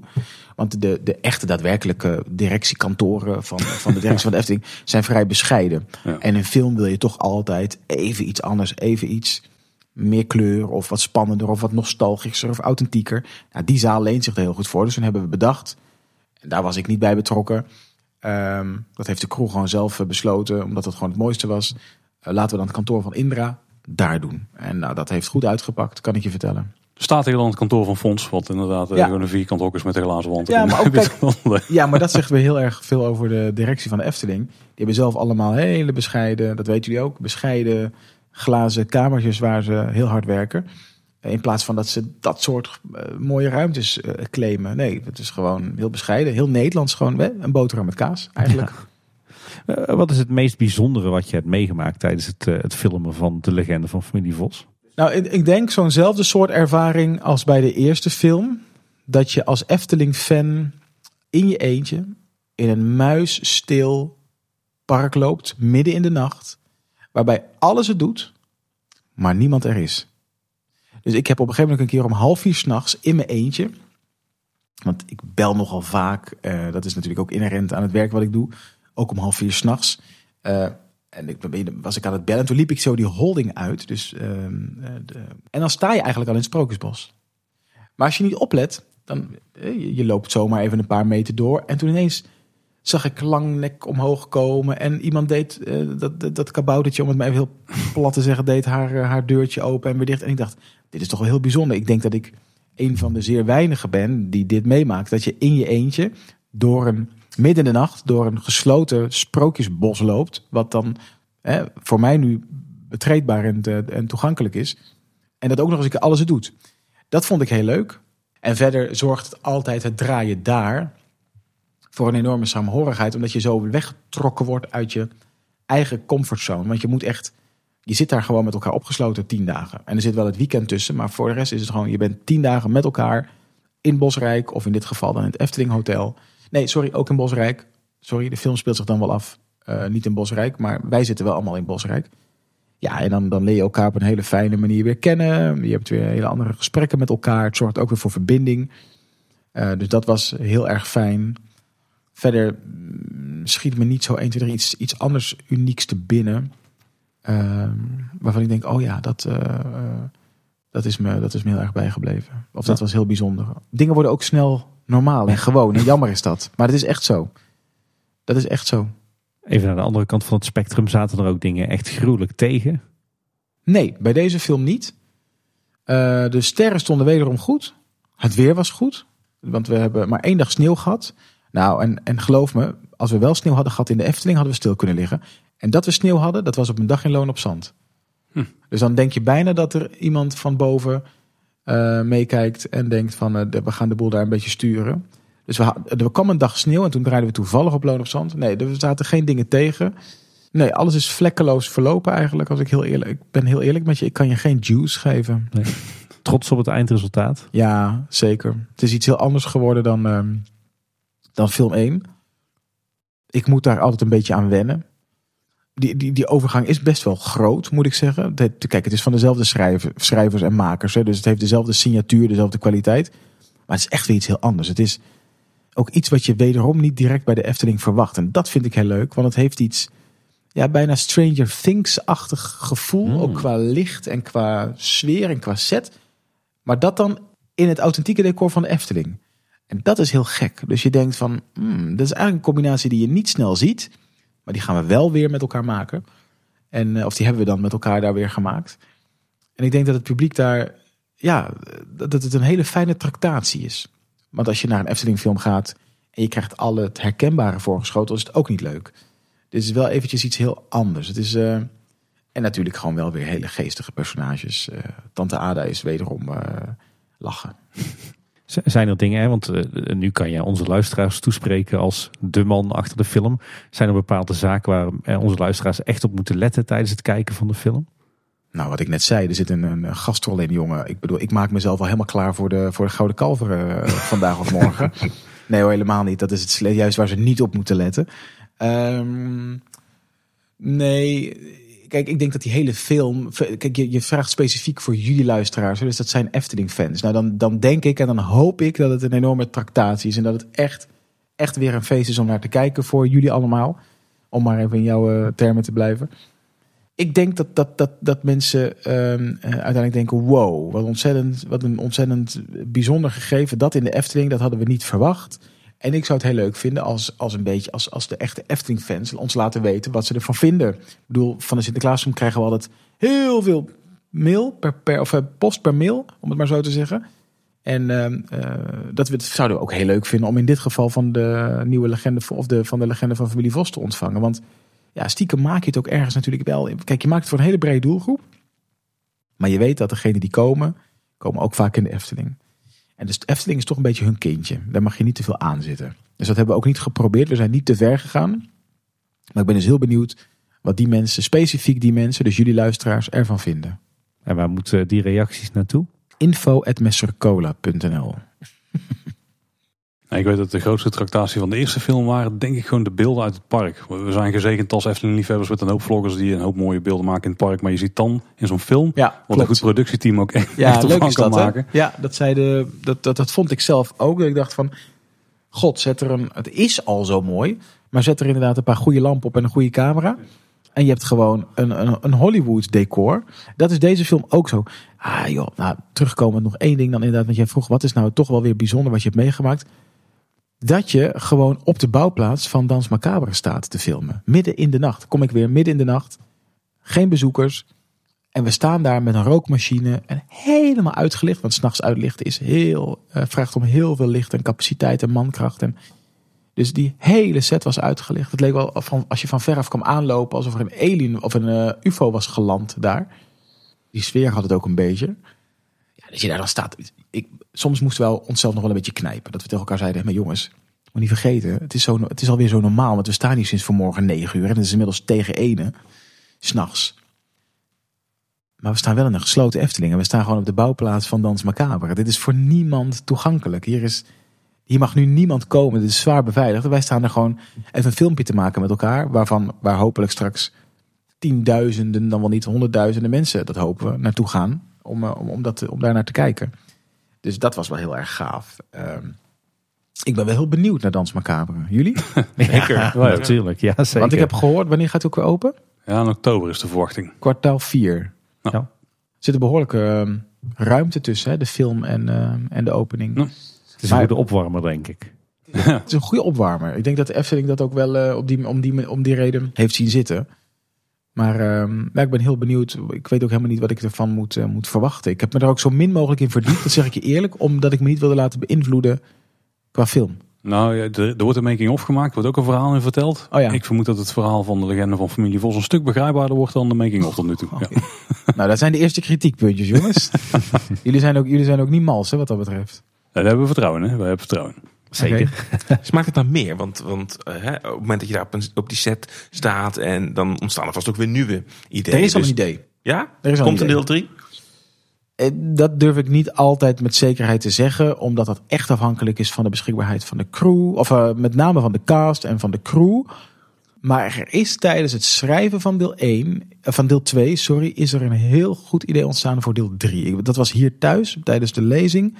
Toen waren we het script aan het lezen en toen riep Nien Kreumer mij en die zei: Luister, ik heb al gelijk het idee voor deel 3. En ik dacht al dat ik wist wat ze zou gaan zeggen. En ze zei het, toen dacht ik: Verrek, dat is steengoed, dat, dat moeten we doen. Dus ja, ik, ik denk als je het aan de Efteling vraagt, maar vraag het zo ook vooral. En je vraagt het aan ons, dan zeg ik ja, zeker. Absoluut. Ik, ik zie dat heel erg zitten. Ja, ik, eh, ik, ik zou me daar ook heel erg weer op verheugen. En het helpt natuurlijk ook als wij massaal met z'n allen deel 2 gruwelijk vaak gaan kijken. Ja, nou, dat, dat vind, dat, dat, dat, daar wil ik inderdaad wel wat over zeggen. Ik vind dan inderdaad, weet je, ik bedoel, eh, eh, dat is ook wel een beetje iets Nederlands soms. Hè, dat als je ergens fan van bent en er komt, er komt iets omheen, dan zijn, mensen, dan zijn wij vrij snel geneigd om kritisch te zijn. Het is een beetje van wat een boer niet kent, dat moet hij niet. Maar ik zou toch willen zeggen van jongens, eh, zet die mentaliteit ook een beetje aan de kant en kijk er wat breder naar. En ga juist naar zo'n film toe die over jouw, jouw favoriete park gaat. En support dat. Wat je er ook van vindt. Maar natuurlijk, er zijn altijd punten waarvan jullie als echte fans denken dat dat beter gekund of anders gekund. Maar het gaat wel over jullie park. En dat, gaat, dat, dat, dat verdient toch zoveel mogelijk ehm, kijkers en bezoekers. Dus ik hoop echt dat de grote doelgroep van de Efteling, al die mensen die vaak gaan, die een abonnement hebben, die de nieuwsbrief ontvangen, dat die gaan kijken. Want daar leren we ook weer van. Want als we dan deel 3 gaan maken, en daarom nodig ik de mensen ook net uit om te mailen. als we deel 3 gaan maken, dan zouden we dat gewoon ook wel heel graag willen doen met jullie support. En misschien is dat net iets te veel dan dat we aankunnen als al die mensen gaan reageren. maar we kunnen het zeker en we zijn zeker bereid om dat te kanaliseren en te kijken. Laten we dat met elkaar doen. Ik doe dat bij de Sinterklaas soms ook altijd. Die probeer ik waar mogelijk te maken met, en daar schaar ik mezelf ook onder, daarom mag ik het zo noemen, Sinterklaas gekkies. Want daar leer je van. En er zitten heel veel dingen tussen waarvan ik denk, nee, daar kan ik niks mee. Maar er zitten ook dingen waarvan ik denk, ja, daar kan ik wel wat mee. Kom maar naar de set, doe maar mee. En dat zou ik hier volgende, volgende keer ook heel leuk vinden. Als we iets meer, dat die werelden niet zo gescheiden zijn, maar dat die, dat die werelden juist overlopen in elkaar. Nou ja, als we een info gaan doen, we zitten hier, ja, een klein, uh, kleine blik achter de schermen. We zitten hier twee dagen voor uh, de première van de film. Uh, maar we gaan natuurlijk aanstaande zaterdag op 3 februari zelf de film kijken. En nadat we die film hebben gekeken, gaan wij live met z'n drieën een eerste recensie geven van wat wij van de film vonden. Dus Spannend. die kan je dan alvast in Ja. je zak steken als Ja. eh, deze aflevering uitkomt. Als die positief is. An- Anders sturen we geen linkje door. Nee. Oh, ik snap hem. Ja, ja, ja, oké, oké. Dat is goed. Nou, je- wees heel eerlijk. Daar kunnen we heel goed tegen. En nogmaals, daar leren we van. Dus eh, graag jullie ongezouten mening. Gaan we zeker doen. En eh, ik denk, ja, wij zijn natuurlijk wel echt eh, de doelgroep inderdaad als, eh, jonge liefhebbers vaders. toch? Ja, en, en liefhebbers. Dus we, we passen in beide categorieën. Nou, het nadeel Leuk. is dat we de film moeten, we moesten hem laten vertonen, want ik kon niet anders op de locatie. Anders waren de dochters er ook bij geweest namelijk. Die Zeker. hadden er ook heel veel zin in. Maar dat, ja, dat is Hoe oud zijn de kinderen, jongens? Vijf. Eh, vijf en zeven. Ja, en dus 7 en 9 de hele tijd. Die dat van de jou uitkomt. Gaan. Van jou mag er eentje. Jou mag helaas niet. Illegaal misschien. Eh, die, van, Ja, ik zou het niet doen. Nee, ik zou het niet die, doen. van, die van mij van vijf, die kijkt Pirates en Lord of the Rings. Echt? Oh, echt? Ja, Ja. dat is wel wat. En Harry Ja. Potter. En, Mm, ja, ik, ik, mm, Ik vrees voor onze jongste hoor, want dat is nogal een uh, bangerik. probeer het, weet je. Maar, Ja. maar je, je bent gewaarschuwd. Ja, dat- ik, ik vind het altijd een beetje spannend, eerlijk gezegd. Net als de kompels. Wees gewaarschuwd. Ja. ja. Heerlijke attractie, hè? Ik kan me voorstellen, los van de familie Vos, dat ook dat als je dan weer zoveel dagen door de Efteling hebt eh, gelopen, dat je ook als producent gewoon geïnspireerd wordt door de andere verhalen en de sprookjes en attracties die je ziet. Is er los van de Sinterklaasfilms, los van de familie Vos, een verhaal of een sprookje of een attractie waarvan je zou zeggen, ja, maar daar zou ik eigenlijk best graag ook een keer een film over willen maken.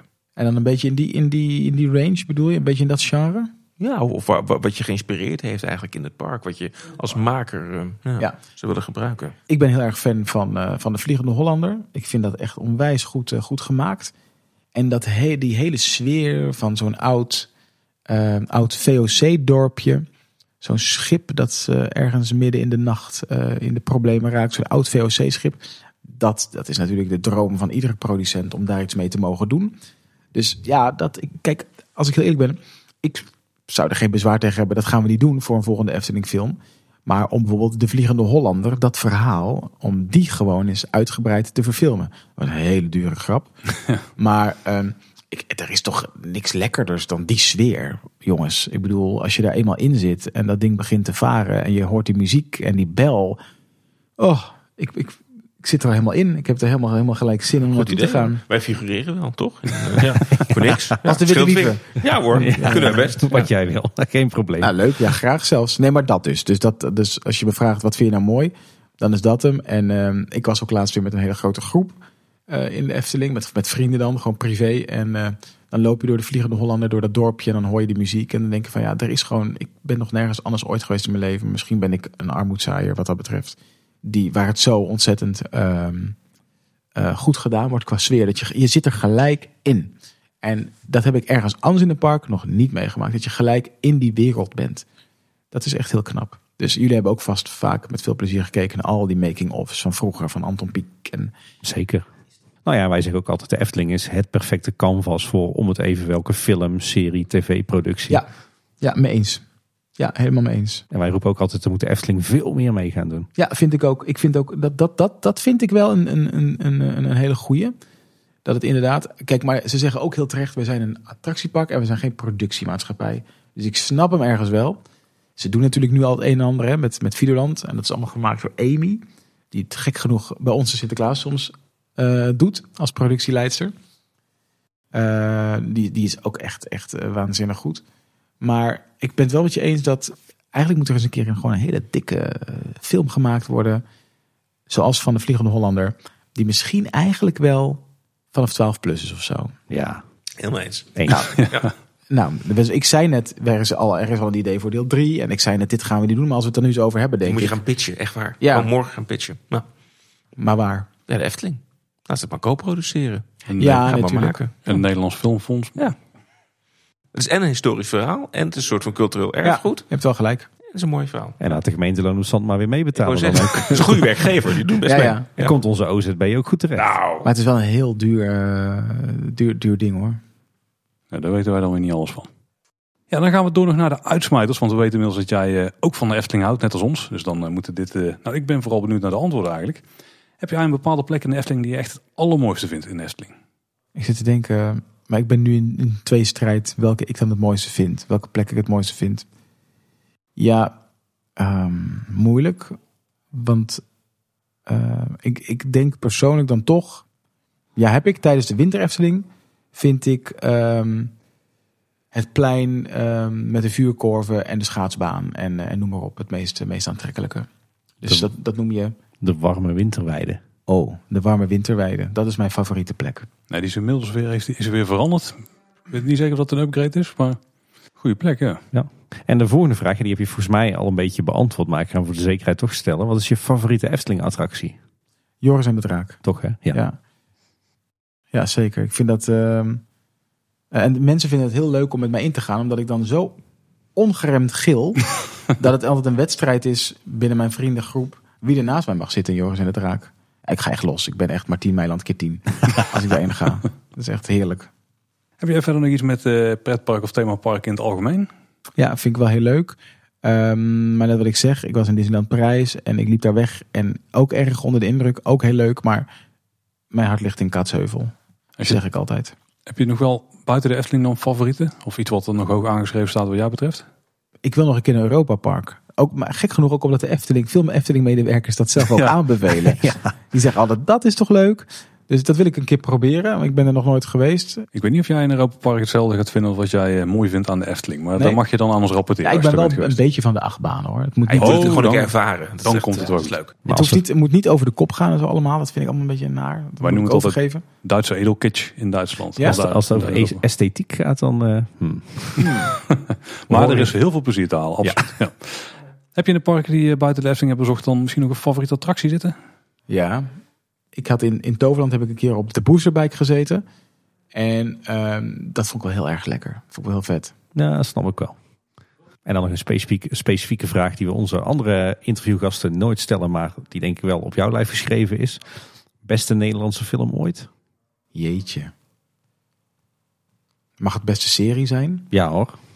Dan zeg ik Gooise Vrouwen. Oké. Dat vind ik zo goed gemaakt. Daar komt namelijk, eh, dat is nou een goed voorbeeld van de best of both worlds. Waarbij dus eh, commercie en kwaliteit eh, voor het eerst eigenlijk echt in Nederland hand in hand gingen. En waarbij je, je had daar toch een aantal hele, eh, nou je zou bijna, bijna kunnen zeggen kolderieke personages. Maar, of kolderiek niet, een beetje, laat ik, laat ik het netjes zeggen, eh uitvergrote personages. Maar ze waren toch gelaagd. En Gooise Vrouwen wisten op verschillende niveaus te ontroeren. Het was spannend, heel grappig, ook ontroerend. En dat vond ik echt, nou, petje af. En in je eigen subgenre, de beste Nederlandse familiefilm aller tijden? Nou, ik vind dat Waar is het paard van Sinterklaas heel goed gedaan. Dat is zo slim gedaan, want daar zit, een, daar zit, daar zit, daar zit niet één laag in of twee lagen, maar daar heb je, het, je kan zou kunnen spreken van zelfs van een derde laag. Want wij als volwassenen begrijpen op een gegeven ogenblik dat de rolfiguur van Jan de Cler ehm, zowel haar buurman is, hè, de eigenaar van de manege. Ik weet niet of je, hem- of je hem helder voor de geest hebt, de film, waar dat paard dan uiteindelijk staat. Maar ook de lokale Sinterklaas van het dorp. Ehm, maar als kind denk je gewoon, dat is Sinterklaas, dat is de echte Sinterklaas. Ah, dat vind ik zo goed gedaan. En die, hele sfeer van het Chinese restaurant en alles wat daarbij komt kijken. En dan eh, eh, zou ik willen zeggen dat op nummer twee staat dan eh, Waar is Sinterklaas? En die is dan weer van ons. En die, dat was een Videoland Original. Die heeft, niet, die heeft niet in de bioscoop gedraaid. Dat is gewoon simpelweg omdat hij daar niet voor gemaakt is. Maar die staat op Videoland en die gaat over Sinterklaas. Die denkt dat de pieten hem zat zijn. eh, en hem niet meer nodig hebben in het kasteel. En dan loopt hij weg van het kasteel met een koffertje. En dan komt hij terecht bij Shanti. En Shanti en haar oma wonen samen boven het Surinaamse eethuisje van oma. En Sinterklaas kan eigenlijk geen kant op. En dan besluit hij dus stiekem bij Shanti te blijven wonen. En dan gaat hij bij haar op de kamer slapen. En zij moet hem dus verbergen. Zij moet hem verborgen zien te houden. Een ontzettend ontroerend en leuk verhaal. Echt eh, ook een kijktip. Of jij, jij hebt hem gezien. Ja, ik heb hem gezien. Is mooi. Vond je hem leuk? Ja, heel erg leuk. Ja, ik vond hem ook heel leuk. Inmiddels twee overleden mensen die erin zitten. Dus Peter de Vries. Maar ook Chrisje Convalis. Die is inmiddels ook overleden. Trouwens met Jean de Cler, hè, het eerste film die noemen ze trouwens wel de cirkel. Want dat was de verteller van de serie Sprookjes. Een Efteling-serie. Ja, klopt. Waarin hij klopt. eh, ook prachtig met die stem en die ja. Goed. Nou ja, en laten we eerlijk zijn. Ik bedoel, eh, ik weet niet hoe. Volgens mij zijn we allemaal een beetje van dezelfde generatie. Maar als je, als, eh, wie heeft het niet? Als je de tune hoort van Dag Sinterklaasje. Ja. Ben je dan niet weer gewoon thuis? Ja. Dat is toch. Ik, ik, ik keek als kind niet naar de club van Sinterklaas. Niet omdat dat zeg ik niet nu, omdat dat nu mijn concurrent is. Helemaal niet. Maar ik was daar ook iets te oud voor. Hè? Want toen ik was negen toen de club van Sinterklaas kwam, of tien al. Maar Dag Sinterklaasje, dat was toch. Dat is onze jeugd, ja. Bart Ja. Peters hè. Alles in één setje. Je zag dat het Ja. decor was. Alles in die stomme set. Die man zat ook altijd in een bad of zo. En dan kwam die tune weer. Oeh, Wat was dat sfeervol zeg. Ongelooflijk. Ja, dat soort dingen maken we te weinig in Nederland hoor. Echt, of überhaupt, het, is- het wordt weinig gemaakt. Echt goede sfeervolle, leuke content. Vind ik. Nou, er ligt nog een wereld voor je open dan. Ja, Ik denk dat we met de legende van familie Vos een, een, een goede gooi naar dat genre hebben gedaan. Misschien even naar het hier en nu. Ik weet niet of je hier antwoord op, eh, op wil geven. Maar eh, waar ben je nu zo al mee bezig? We zijn de legacy van Peter R. de Vries aan het voortzetten. Dat hebben we gedaan met één boek, eh Een Moord kost me levens. Eh, maar we zijn nog niet uitverteld. Dus we zijn, aan het, aan, we zijn eh, hard aan het werk om eh, meer te verfilmen wat dat betreft van, eh, van Peter R. Er komt uiteraard weer een nieuwe Sinterklaasfilm. Een nieuwe de grote Sinterklaasfilm. En ik kan je verklappen, die wordt ook echt wel heel erg bijzonder. Want ja, de lat moet ieder jaar hoger. De cast moet sterker, bekender, groter, noem maar op.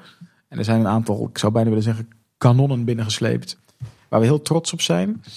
Ehm, en we zijn met een, eh, twee misdaden projecten bezig. Dus iets totaal anders. Eh, een beetje autobiografisch. eh, maar heel leuk. Genoeg om handen dus. Ik, verveel, ik, kan, ik kan helaas te weinig naar de Efteling.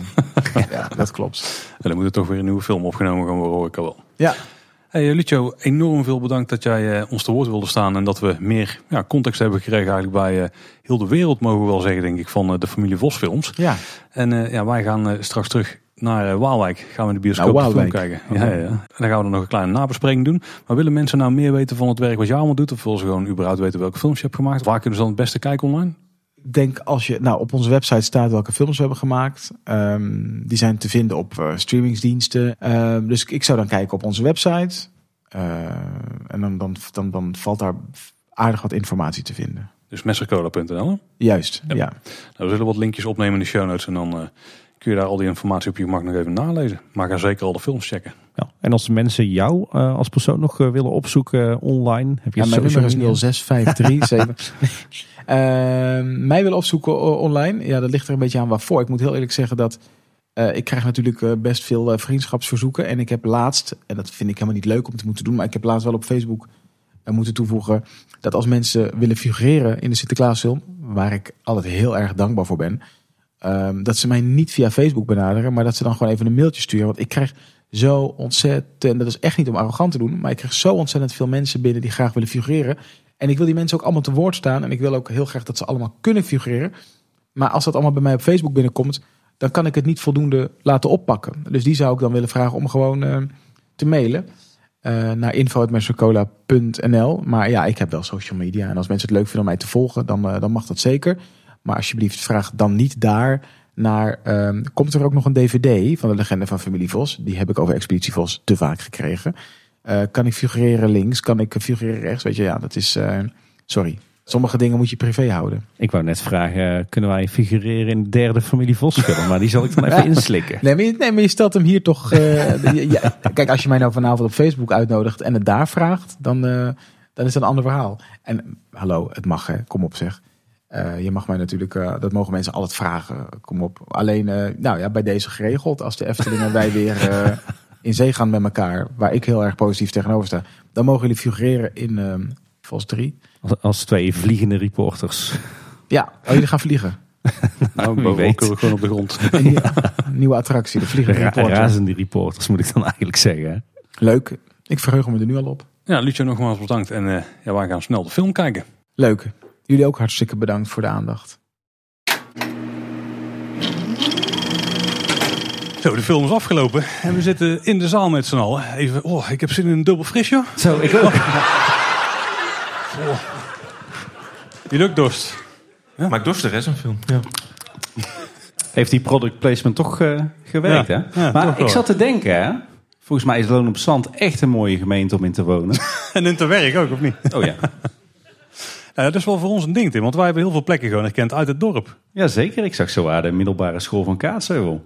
Moeten we trouwens de mensen die nu thuis luisteren even waarschuwen dat hier enorm veel spoilers gaan komen in de komende minuten? ja. Is dat erg trouwens? Nee, dat kan toch Voor de mensen hier Nee, niet. kan, ja.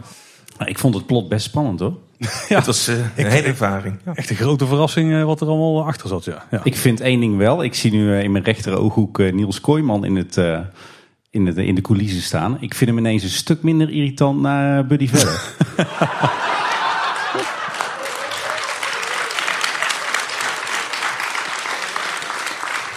Je bent heel subtiel, Niels. Heel subtiel. Ja, fijn. Verademing. Ik ga woensdag gelijk weer kijken. Maar Ronnie Ruig, alliteratie, Bart Baan, zou daarop geïnspireerd zijn? Toeval. Toeval. Je herkende er niks van, toch? Nee. nee. Dus de schrijfwijze was wel Eftelings, hè? Met U, I, Ja, ja, dat klopt wel. Dat klopt wel. Ik vind wel dat na, na, na te hebben gekeken naar Frederik Brom... dat ik best wel normaal ben eigenlijk. Het deed me ook wel ergens aan denken, Tim. Dat is de andere ja. kant. Het voelde wel vertrouwd. Ja, een liefhebber van van carousel. hè? Geen draaimolen, maar een carousel. Precies. En eigenlijk is de Efteling ook jouw werkplek, toch? Een soort van. Ja, Wel een goede thuiswerkplek, hè? Ja. Te, te Ik zag wel herkenbare dingen. Maar misschien, we, we draaien er een beetje omheen. Eh, de film, wat vonden we ervan?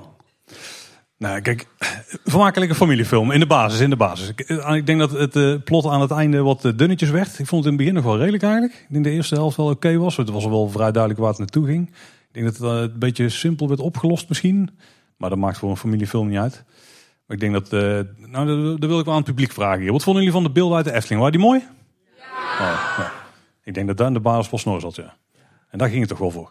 Ja, alle piron en pinakels zou ik bijna willen zeggen. Ja, bij de boodschap. Het is, Aan het einde hebben van Symbolica nog een paar, hè, zo? Ja, dat is, kijk, dan is de Efteling echt... We hebben een mooi park, hebben we toch, hè? Ja. Voor mij, dat is ook het leuke van deze avond. Dat je met 200 mensen die het park mooi vinden... gaat kijken hoe mooi dat park is. En dat dan dingen grappig worden die voor Ja, de normale kijker misschien niet zo grappig Ik vond bijvoorbeeld door het ruitje kijken binnen eh, bij de Wolf en de Zeven Geitjes. Mooi shot, toch? Dat was wel een mooi shot, ja. ja. En Ja, wat het, denk, ik ook wel mooi was, is dat eh, iedereen die, die deze film kijkt, eh, een kijkje in kantoor Ravelijn krijgt. Oh ja. En dan is Fons zijn kantoor dus niet zo mooi, hè? Nee. Want dat is verraderlijk, hè? Nou, ik Ja. moet zeggen dat ik Indra als directrice ook wel een verademing vond, hoor. Waarom, eh, Tim? Nou, volgend onderwerp. Oké, ja. maar mooie beelden, toch? Mooie beelden, ja. ja, ja. Ja, ons park is eh, prachtig, hè. vooral s'avonds. hè. Heel veel avondbeelden Zo. natuurlijk. Was het nou vanuit de pagode gemaakt of was het toch een drone shot? Denk uit de pagode, hè? De avond. eh, ja. We beelden. hadden het kunnen vragen afgelopen week, niet gedaan. Nee, gaan we ons nog eh, navragen, denk ik. Dat is op zich wel interessant, want we hebben van de week bij de regisseur gehoord dat het voor hen heel makkelijk was, of althans makkelijker, om s'nachts te filmen. Ik denk dat dat de film wel echt goed doet, want volgens mij was een heel groot deel van de beelden geschoten in de Efteling s'avonds en s'nachts. Nou ja, dat is natuurlijk om, eh, dan is het park om door een ringetje te halen. Dan ziet het er zo ontzettend mooi uit. Als je nou straks toch in het Grand Hotel zou kunnen slapen, hè? En je zou toch s'avonds later dat sprookjesbos kunnen. Moet je niet dit meemaken? Het lijkt me heel raar als dat, eh, als dat gebeurt. Maar De beveiliging van de Efteling was ook niet helemaal op zijn best in die film. Hè? Nee, maar al mag Edo Brunner dat wel blijven doen. Ik vind Ja. Edo Brunner, Ja, dat is een held toch? Ja, het mag vast te bewaken worden. vind ik wel. Ja, zeker. Ja. Edo Brunner is een held, ja. Overigens, klein detail. Eh, er zaten natuurlijk heel veel beveiligers in de film. Ik vraag me af dat die s'nachts altijd zo rondlopen in de Efteling. Maar een heel aantal daarvan zijn ook daadwerkelijk echt beveiliger in de Efteling. Waren ja. geen acteurs. Heel Ja, tof om ik te ik moet zien. ook zeggen dat de beveiliging die er rondliep, die hadden hele scherpe oren. Die konden zelfs vanaf Ravelijn konden ze dingen horen die gebeurden bij Spookslot en bij Dans Macabre. Maar ik ben compleet gedesoriënteerd. Ja. Als je dit uit zou moeten tekenen, hoe die acteurs hebben gelopen... dat- daar kun je niks van maken, toch? Ja. Doodmoe aan het eind van de dag. Echt heel veel stappen waren dat. Ja. Ze klommen ook over poort heen waar ze eerder al achter stonden, zeg maar. Dat was ook wel mooi. Ja. Knap toch? Ja, dat was goed. Wel goed ja. Wij, wij hebben daar, wij hebben daar heel veel last van als we zo'n film kijken. Hebben jullie daar ook last van? Je het park te goed eigenlijk. Hè? Echte fans, ja. Ik heb ook Philip Korsjes, die heeft ook bij jullie in de show gezeten. Die vertelt altijd over transmediale storytelling. Hè? En dan heeft hij Wat? transmediale storytelling. Oh, dat. En dat gaat over dat, dat een verhaal meerdere invullingen kan krijgen door verschillende media. En dat heeft hij over Ravelijn ooit onderzocht.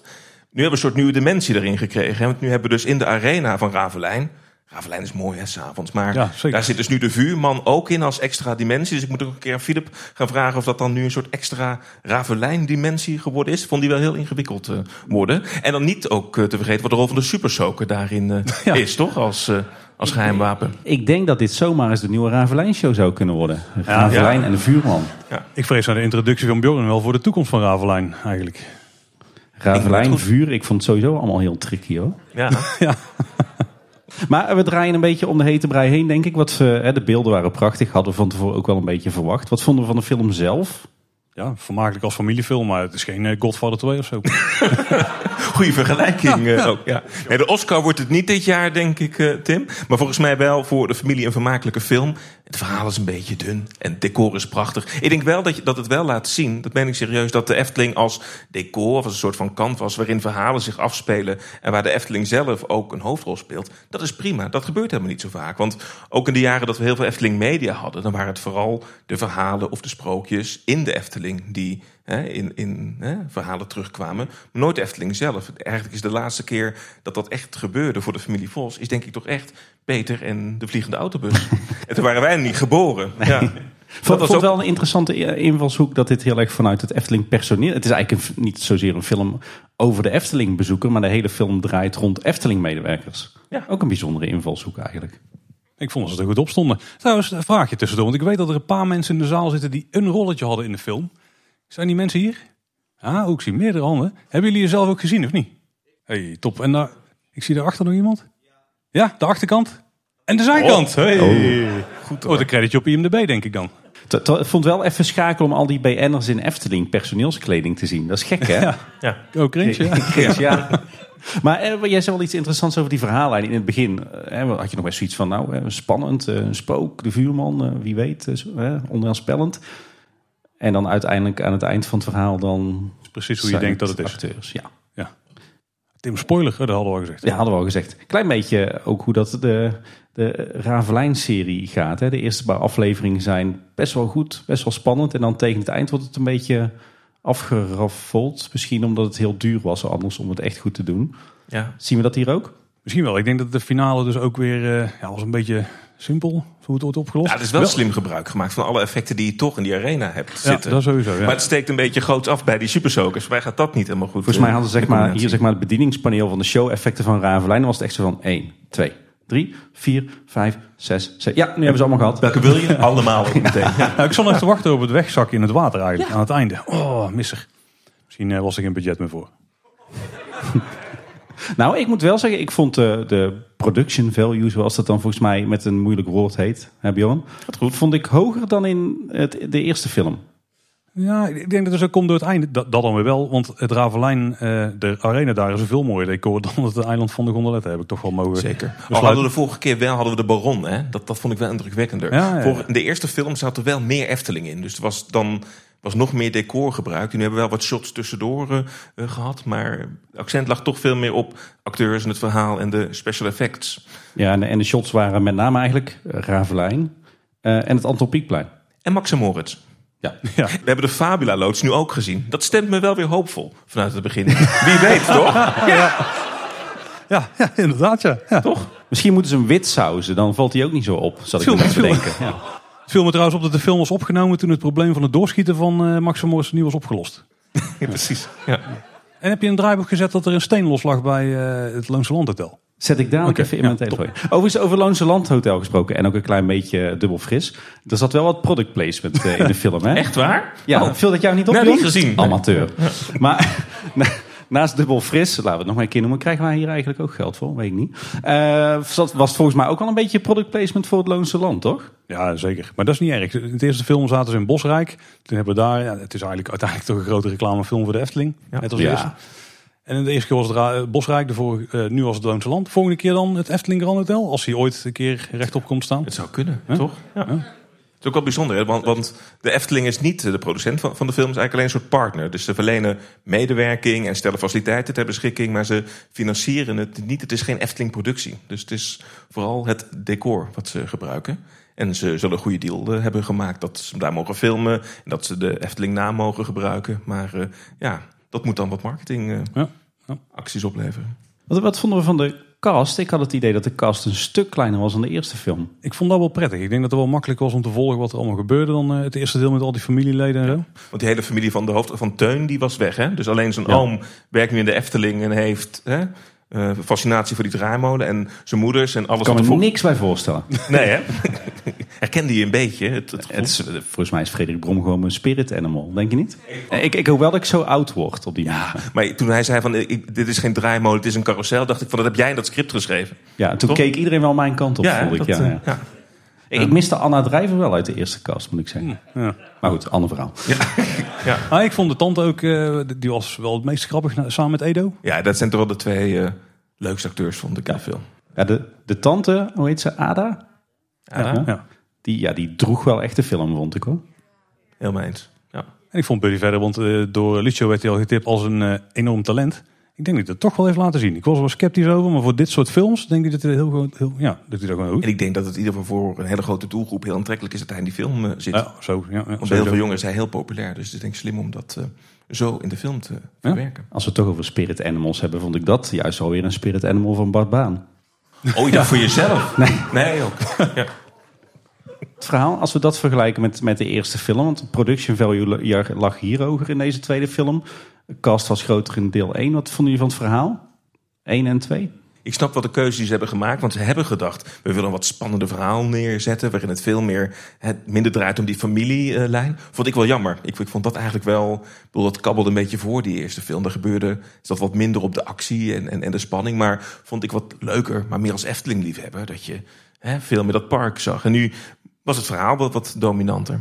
Maar ik denk dat dat buiten deze zaal, dat dat voor veel mensen misschien ook wel, nou, het een leukere film maakt. Ik vond het verhaal, denk ik, toegankelijker van deze film. Simpeler. Ik vond het verhaal van de, van de eerste film leuker, denk ik, of rijker.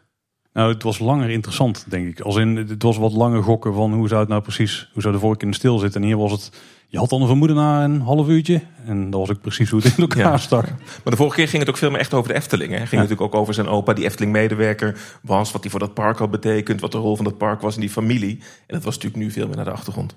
Ja, de eerste film voelde ook meer als een avonturenfilm, vond ik. Dit was meer comedy. Ja. Ja, maar ik weet niet of het dus altijd zo bedoeld was. Maar dat weet ik gewoon niet. Er werd in ieder geval in de zaal hard gelachen. Respect daarvoor, eh, lieve mensen. Dus een typische sequel? Of?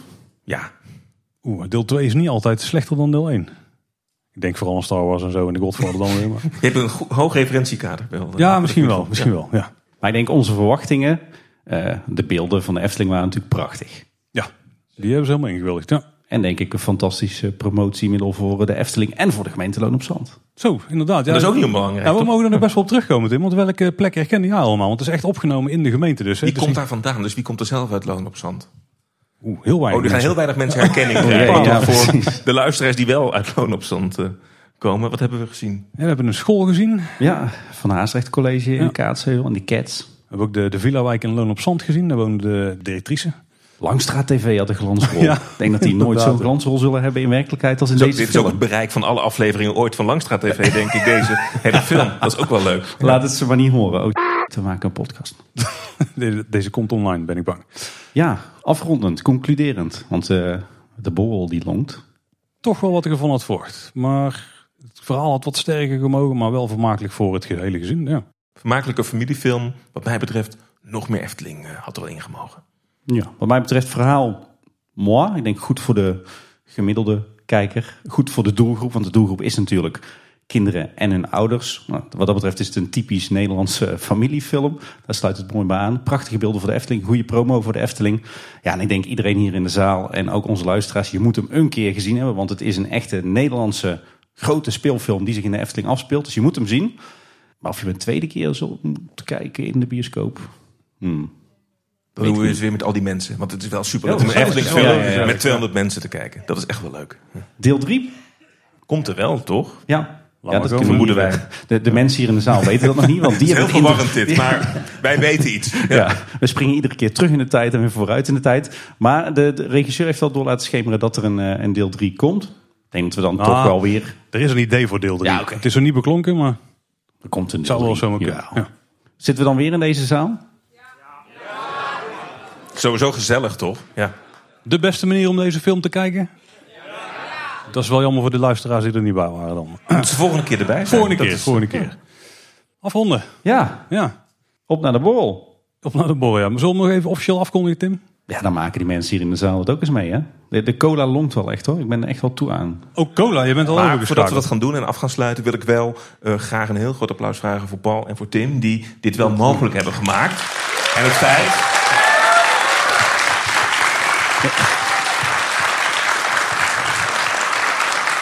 En dan moet je dat dan doen. Natuurlijk ook applaus voor de expert aan tafel, Bjorn.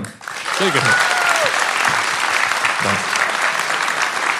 Normaal gesproken bedanken wij de gast altijd.